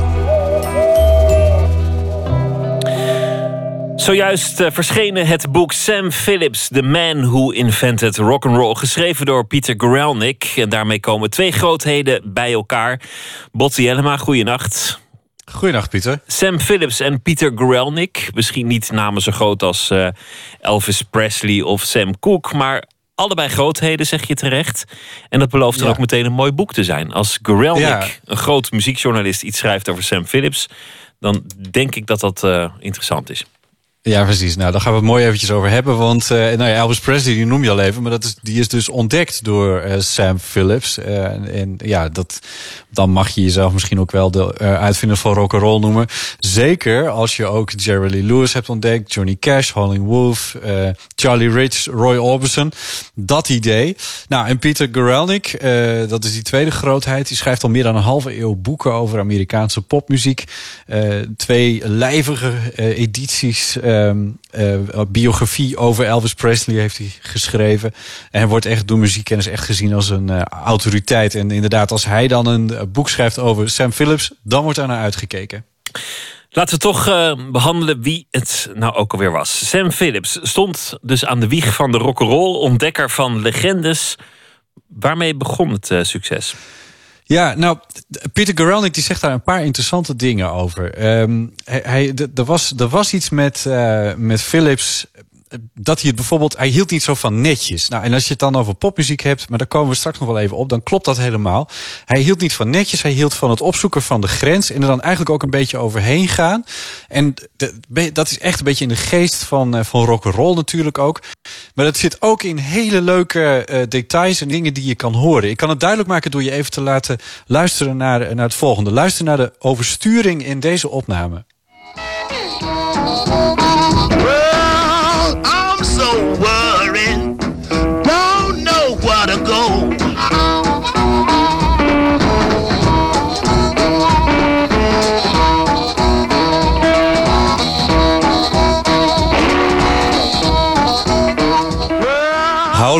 Met Moaning at Midnight. 1951 hebben we het over. We zijn nu een beetje gewend aan deze sound. En dan denken we van dat hoort dan bij 1951. En dat is ook wel zo.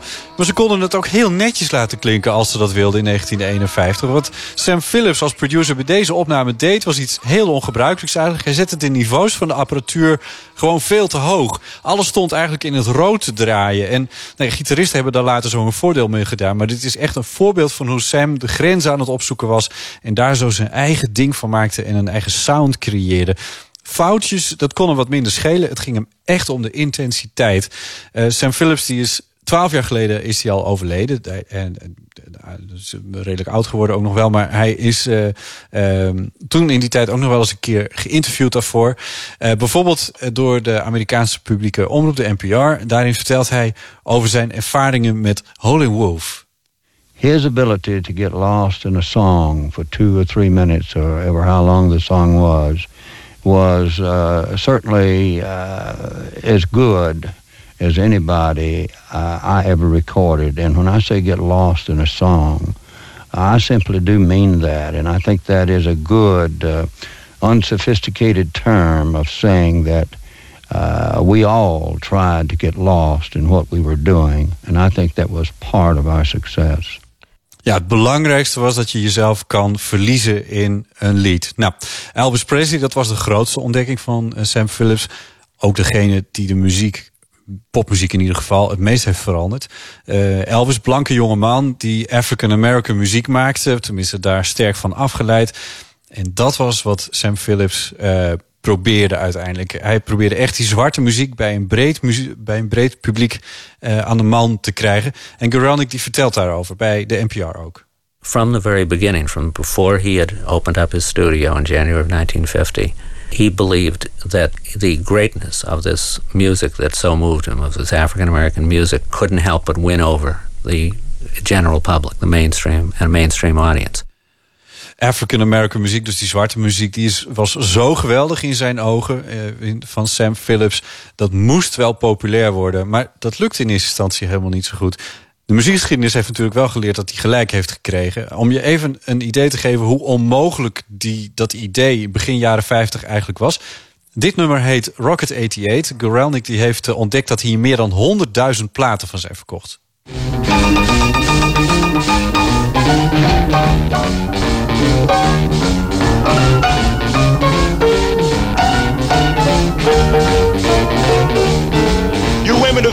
Jalopies, you've heard the noise they make, but let me introduce my new Rocket 88. Yeah, it's it straight, just one way.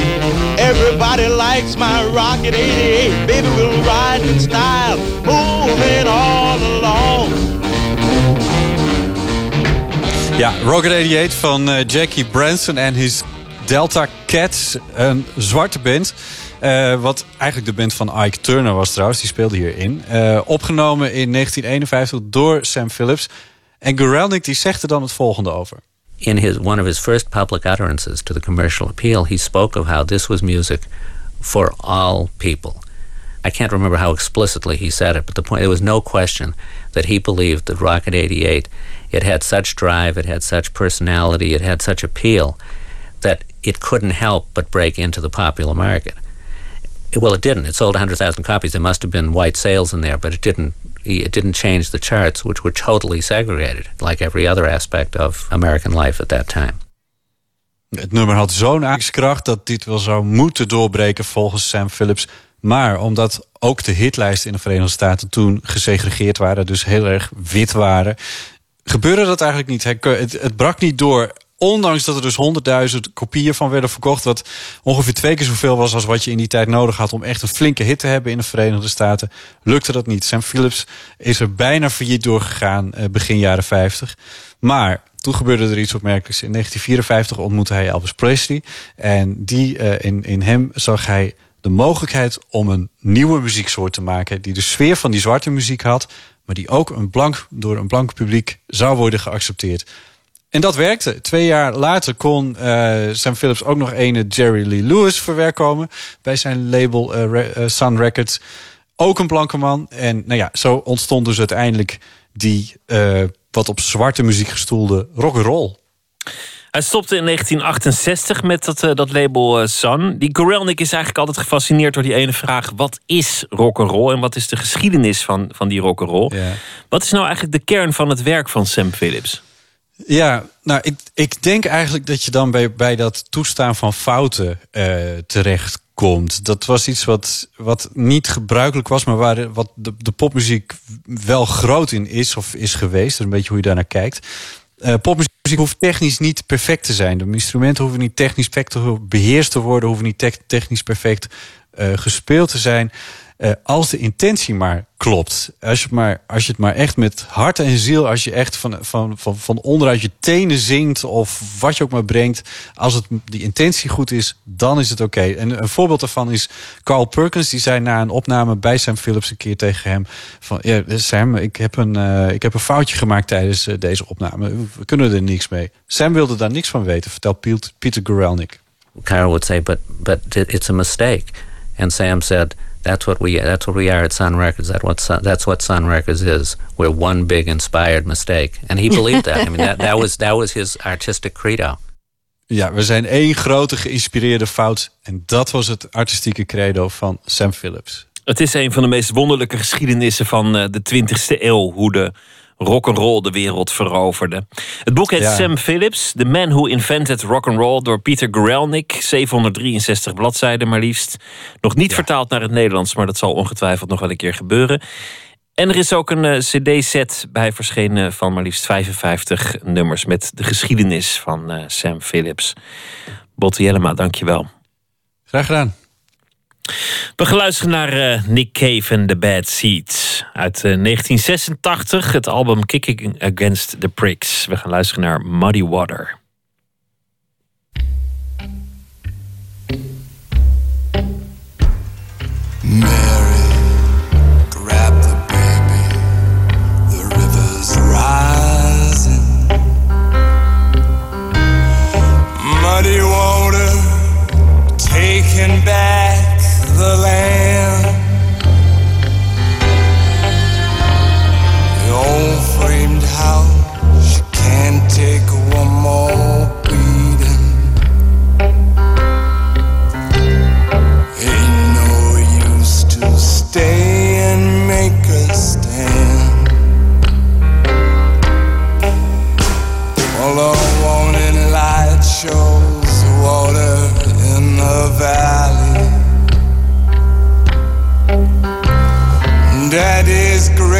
Just went below the line.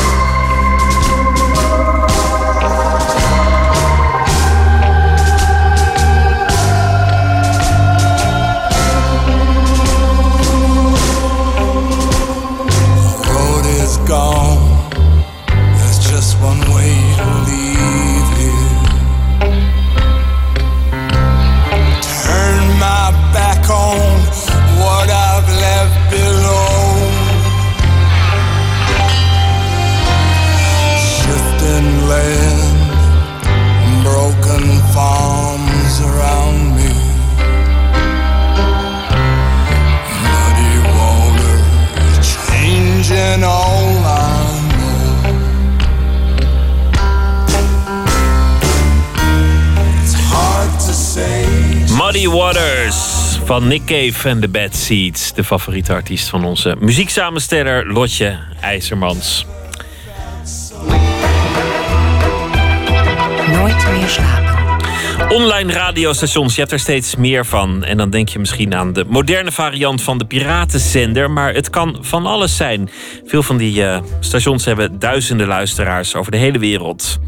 En het eh, beste online radiostation volgens eh, sommige liefhebbers... dat komt uit Amsterdam, Red Light Radio. Morgen bestaan ze vijf jaar. Verslaggever Adinda Akkermans die sprak met de oprichter Hugo van Heiningen.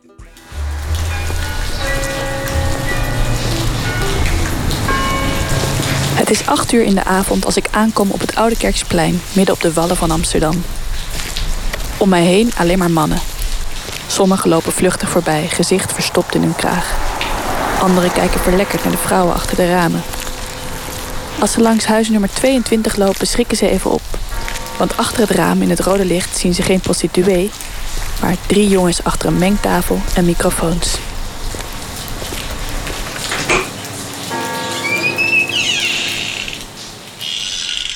Hello, lieve party people across the globe. This is the international Lulle radio show called Lulle Radio. First, hè? Here come the clowns.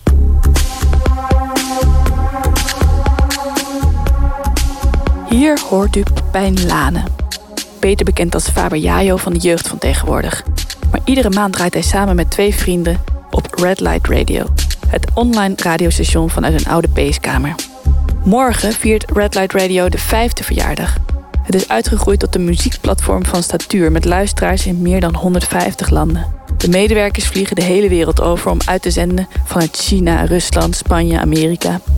Tijdens het International Radio Festival in Zurich werden ze onlangs verkozen tot beste radiostation ter wereld.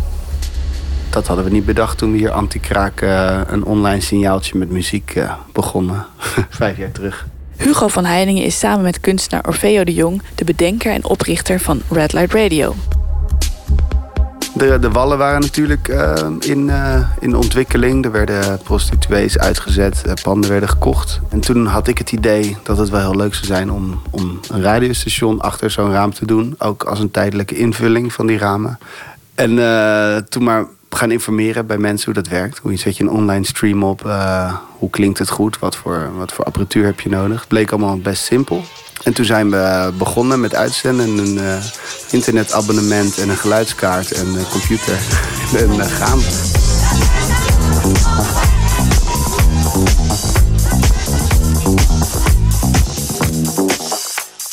En in de eerste maanden werkte het gelijk zo goed. Zoveel eh, mensen wilden voor ons draaien. En ehm, we wilden door. Dus het derde maandje konden we nog een maandje blijven. Nog een maandje. En uh, zitten we er vijf jaar en eh, blijven we nog wel even hangen hier. Maar dat is een beetje het begin geweest van, het station. Gewoon elke, elke dag eigenlijk zien hoeveel mensen je hierheen kunt krijgen met eh, stoffige platencollecties. Of juist de nieuwste muziek die iedereen moet horen. Die eigenlijk op andere plekken wat minder te horen zijn. Dat was wel de doelstelling.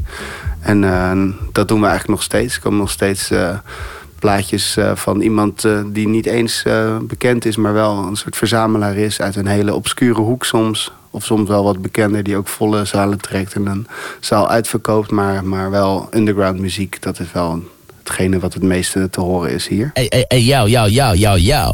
Dr. Sam Papa, back once again, yo. Red Light Radio. I want to dedicate the show to Cannibale Royale. Kwam heel erg uit een bandjeshoek. Dus ik wilde vooral mensen die in band zitten hier, eh, hier dingen laten draaien. Een beetje het eh, tourbusje gevoel of zo. Dat was een beetje in het begin het idee. Wat is het tourbusje gevoel? Nou, dat is het, de- voorin met de, met, de, eh, met de iPod zitten. Dat was toch een soort van eh, persoonlijk radiostationnetje. Van, eh, moet je deze nieuwe plaat horen of kennen jullie dit al? En dat gevoel of zo, dat, was, dat wilde ik eigenlijk met die radio in het begin doen. Ondertussen is die bus heel groot geworden... waar alle mensen in zitten die ernaar luisteren. De afgelopen vijf jaar kwam er veel jong talent langs in de Oude Peeskamer. Maar ook grote namen, zoals punklegende John Cooper Clarke, de Opposites en zelfs politicus Lodewijk Asscher. Je bent live bij Red Light Radio en we hebben een gast waar we eigenlijk al heel lang op wachten. Eh, Lodewijk Asscher, wethouder. Goedemiddag, leuk om een keer eh, bij jullie te zijn.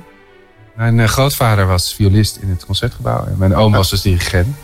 Wauw. En eh, ik, ik hou heel erg van muziek, maar ik wilde vroeger misschien ook wel pianist worden, maar was daar nooit eh, getalenteerd genoeg voor.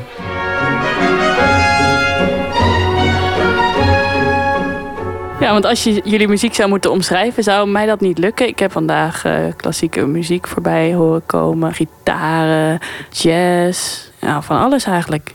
Ja. ja, een doorsnee dagje Red Light Radio, denk ik. Ja, nee, het gaat alle kanten uit, maar het was wel goed, hè, mag kopen. nee, dat is, eh, dat is wel, eh, dat, dat vinden we belangrijk, de kwaliteit. En eh, de, ja, er is zoveel muziek gemaakt en ook zo makkelijk ook weer te vinden. En op die manier kunnen we nog jaren doorgaan met goede muziek brengen. Die nooit eerder is gedraaid, zelfs bij ons niet. Dus het is oneindig wat er allemaal is. En jullie brengen heel veel nieuwe muziek, dat zei je al. Hoe komen jullie aan jullie nieuwe muziek? Hoe scouten jullie dat?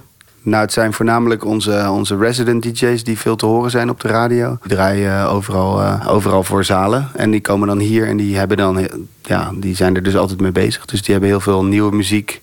En ook dingen die ze misschien niet in een club zouden draaien, maar toch graag willen luisteren of willen laten horen. Eh, dus we doen heel wat voorbereiding voor een radioshow. En dan proberen ze eh, ja, iets bijzonders te maken. Het is een goede manier ook, denk ik, eh, voor veel DJ's om hunzelf te promoten, om zich aan ons platform te verbinden. En het is gewoon leuk. Ga zomaar eh, mee en eh, voel dat het gewoon gezellig is om hier met z'n.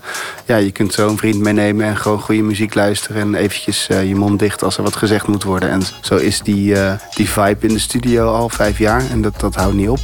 Is dat de sleutel van het succes? Dat, dat, dat mensen hier gewoon heel graag naartoe komen? Ik denk dat dat niet per se de sleutel is, maar wel een belangrijk onderdeel. Het is toch een ontmoetingsplek, ook met de platenzaken erbij dan, maar ook muzikanten en DJ's onderling. En we zijn heel makkelijk hier met wat je in de studio doet als je het, als je het allemaal maar heel houdt. Dus mensen die komen, komen gewoon een avondje ook hangen en naar muziek luisteren. And uh, the show is called Rock Opera.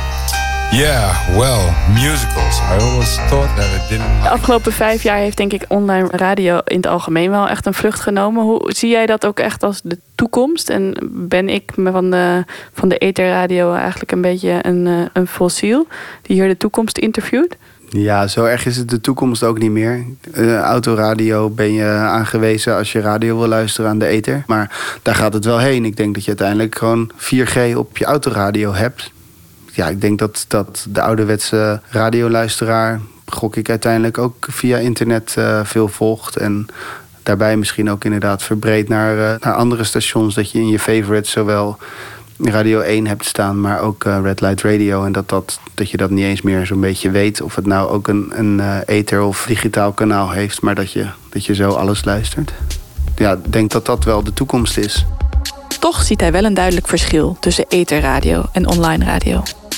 Maar het, wat, wat het grote verschil is, eh, is denk ik onze, ons bereik. Dat jullie bereik heel groot is, denk ik, in Nederland. Maar dat wij, eh, dat wij zoveel luisteraars in het buitenland hebben... dat die verhouding 50% komt maar uit Nederland. Daarna komt eh, Amerika, dan Duitsland, dan volgens mij Rusland. Dus het komt overal vandaan. Als hier iemand een, een heel boek wil voorlezen... en daar heel veel uur voor nodig heeft... en wij denken dat dat heel erg tof is... en misschien niet eens voor een heel groot publiek leuk is ja, sure. Ga gewoon eh, zes uur op een kruk zitten en lees dat boek op de radio voor. En misschien haken veel mensen af, maar misschien vinden mensen het ook heel leuk om, om dat te horen. Op Red Light Radio zijn bewust geen reclames te horen.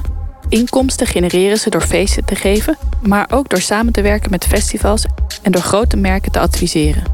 Want Red Light Radio heeft iets wat veel hippe merken interessant vinden. Een achterban die bestaat uit artistieke voorhoede. Hoe weten zij die groep aan zich te binden?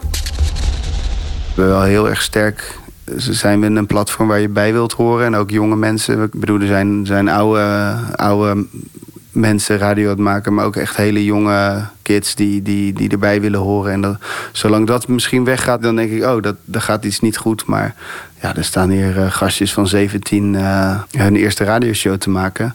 En het uur daarna staat er weer een oude rot. Die, eh, die het eh, al, al vijf jaar bij ons is. Dus dat, dat houdt ons denk ik gewoon ook interessant en houdt ons relevant. Yeah, we got it started here about what five years ago. Yeah, yeah, it has. It was early 2011.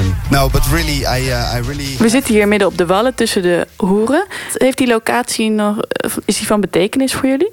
En het blijft wel heel bijzonder eh, om achter zo'n raam te staan draaien. En dat er dan de hele tijd mensen naar binnen kijken. Soms ook een beetje awkward en soms ook heel grappig. Wat vinden ze van jullie?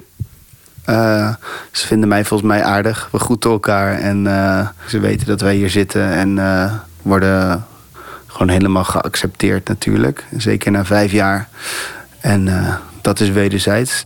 Nee, het is vooral groeten. En vooral, ik krijg niet echt een knipoog... omdat ze weten dat ik gewoon koffie ga halen.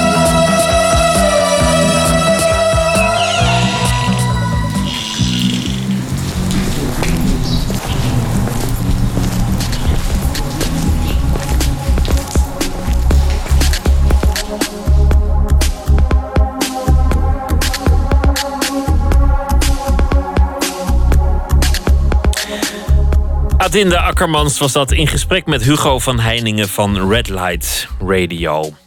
Vijf jaar geleden is het dat eh, Mark Linkus overleed. De man achter Sparkle Host. Hij uh, stapte uit het leven in 2010, maakte vier albums. Van het tweede album draaien wij het nummer Painbirds.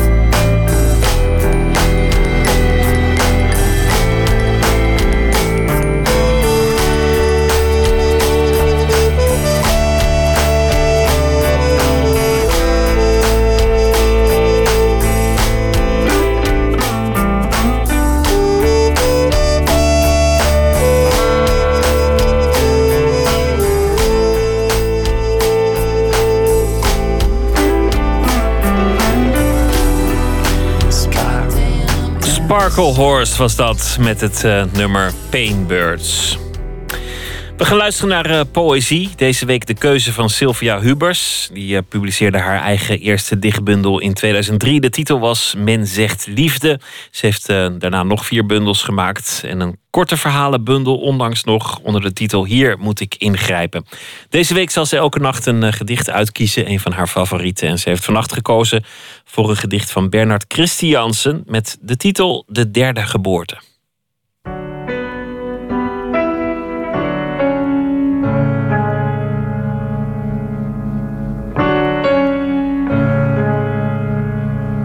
Ik heb een tekst meegenomen van Bernard Christiansen. Bernard Christiansen is een dichter en een schrijver van kort absurdistisch proza en een performer. De tekst is nog niet uitgegeven. Ik vind dat het al tijd wordt daarvoor eigenlijk. Hij uh, zou het eigenlijk zelf voor moeten lezen, want dat doet hij op zijn eigen uh, niet uh, te kopiëren manier. En dat is niet alleen maar vanwege zijn charmante Duitse accent. Maar goed, hij is hier niet, ik doe het nu. De derde geboorte. Als het je overkomt en je komt onvoorzien midden in het leven terecht, in deze draaikolk waarin je niet thuis bent, waarvan je het gorgelen vaker vanaf een veilige afstand hebt beluisterd, waarin je soms de linkerhand of een elleboog of een van je voeten hebt laten hangen, maar alleen om eventjes een indruk te krijgen van hoe ongeveer de draaikolk mag aanvoelen, om je een beetje op te frissen en als het je dan overkomt en je komt ineens middenin de draaikolk terecht, zonder je te verzetten, als vanzelfsprekend. En wanneer je dan steeds sneller en sneller draait en uiteindelijk zonder het te beseffen een of andere diepte ingesleurd wordt. En dat je de diepte dan helemaal niet als eng of onaangenaam ervaart, maar alleen maar als diep.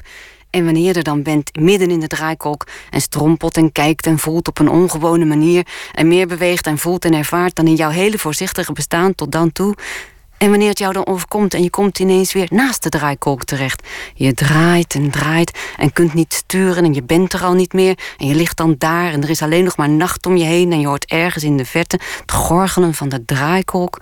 En als je jezelf dan niet ervan kunt overtuigen dat het allemaal alleen maar een merkwaardige droom was. Een droom waarvan de pijnlijke sliertjes zich in jou moeiteloos laten wegvergeten.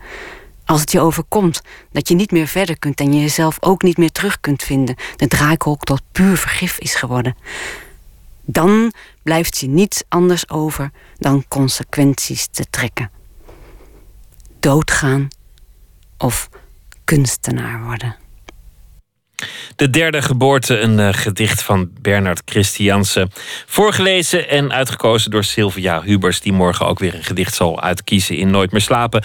Dan zit hier Esther Naomi Perkin en die ontvangt Marijn Frank, bekend als verslaggever van verschillende programma's, de Keuringsdienst van Waarde, de Rekenkamer. En ze heeft ook een film gemaakt, die wordt getoond op het festival ITVA. Vleesverlangen, en dat gaat over haar eigen vleesverslaving. Verder een gesprek met Stine Jensen over de populariteit van de Scandinavische televisieserie. Naar aanleiding van een uh, crime festival in Utrecht. En een gesprek met beeldend kunstenaar Mark Mulders over de kunstwerken die hij uitzocht bij twaalf gedichten van Joost Zwagerman. Dat alles wordt tentoongesteld in Museum de Pont. Voor nu een hele goede nacht, morgen een leuke dag en uh, graag weer tot dan. En zometeen op NPO Radio 1, De Nachtzuster. Goeienacht.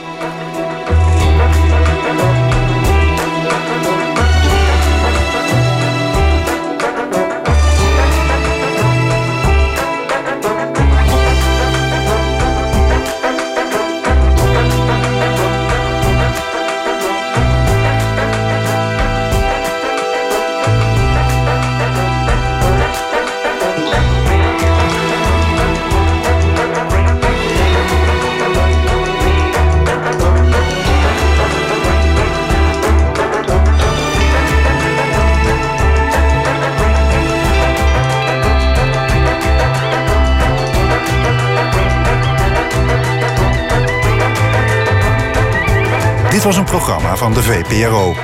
Sponsor van de vooruitgang. Op Radio 1, het nieuws van alle kanten.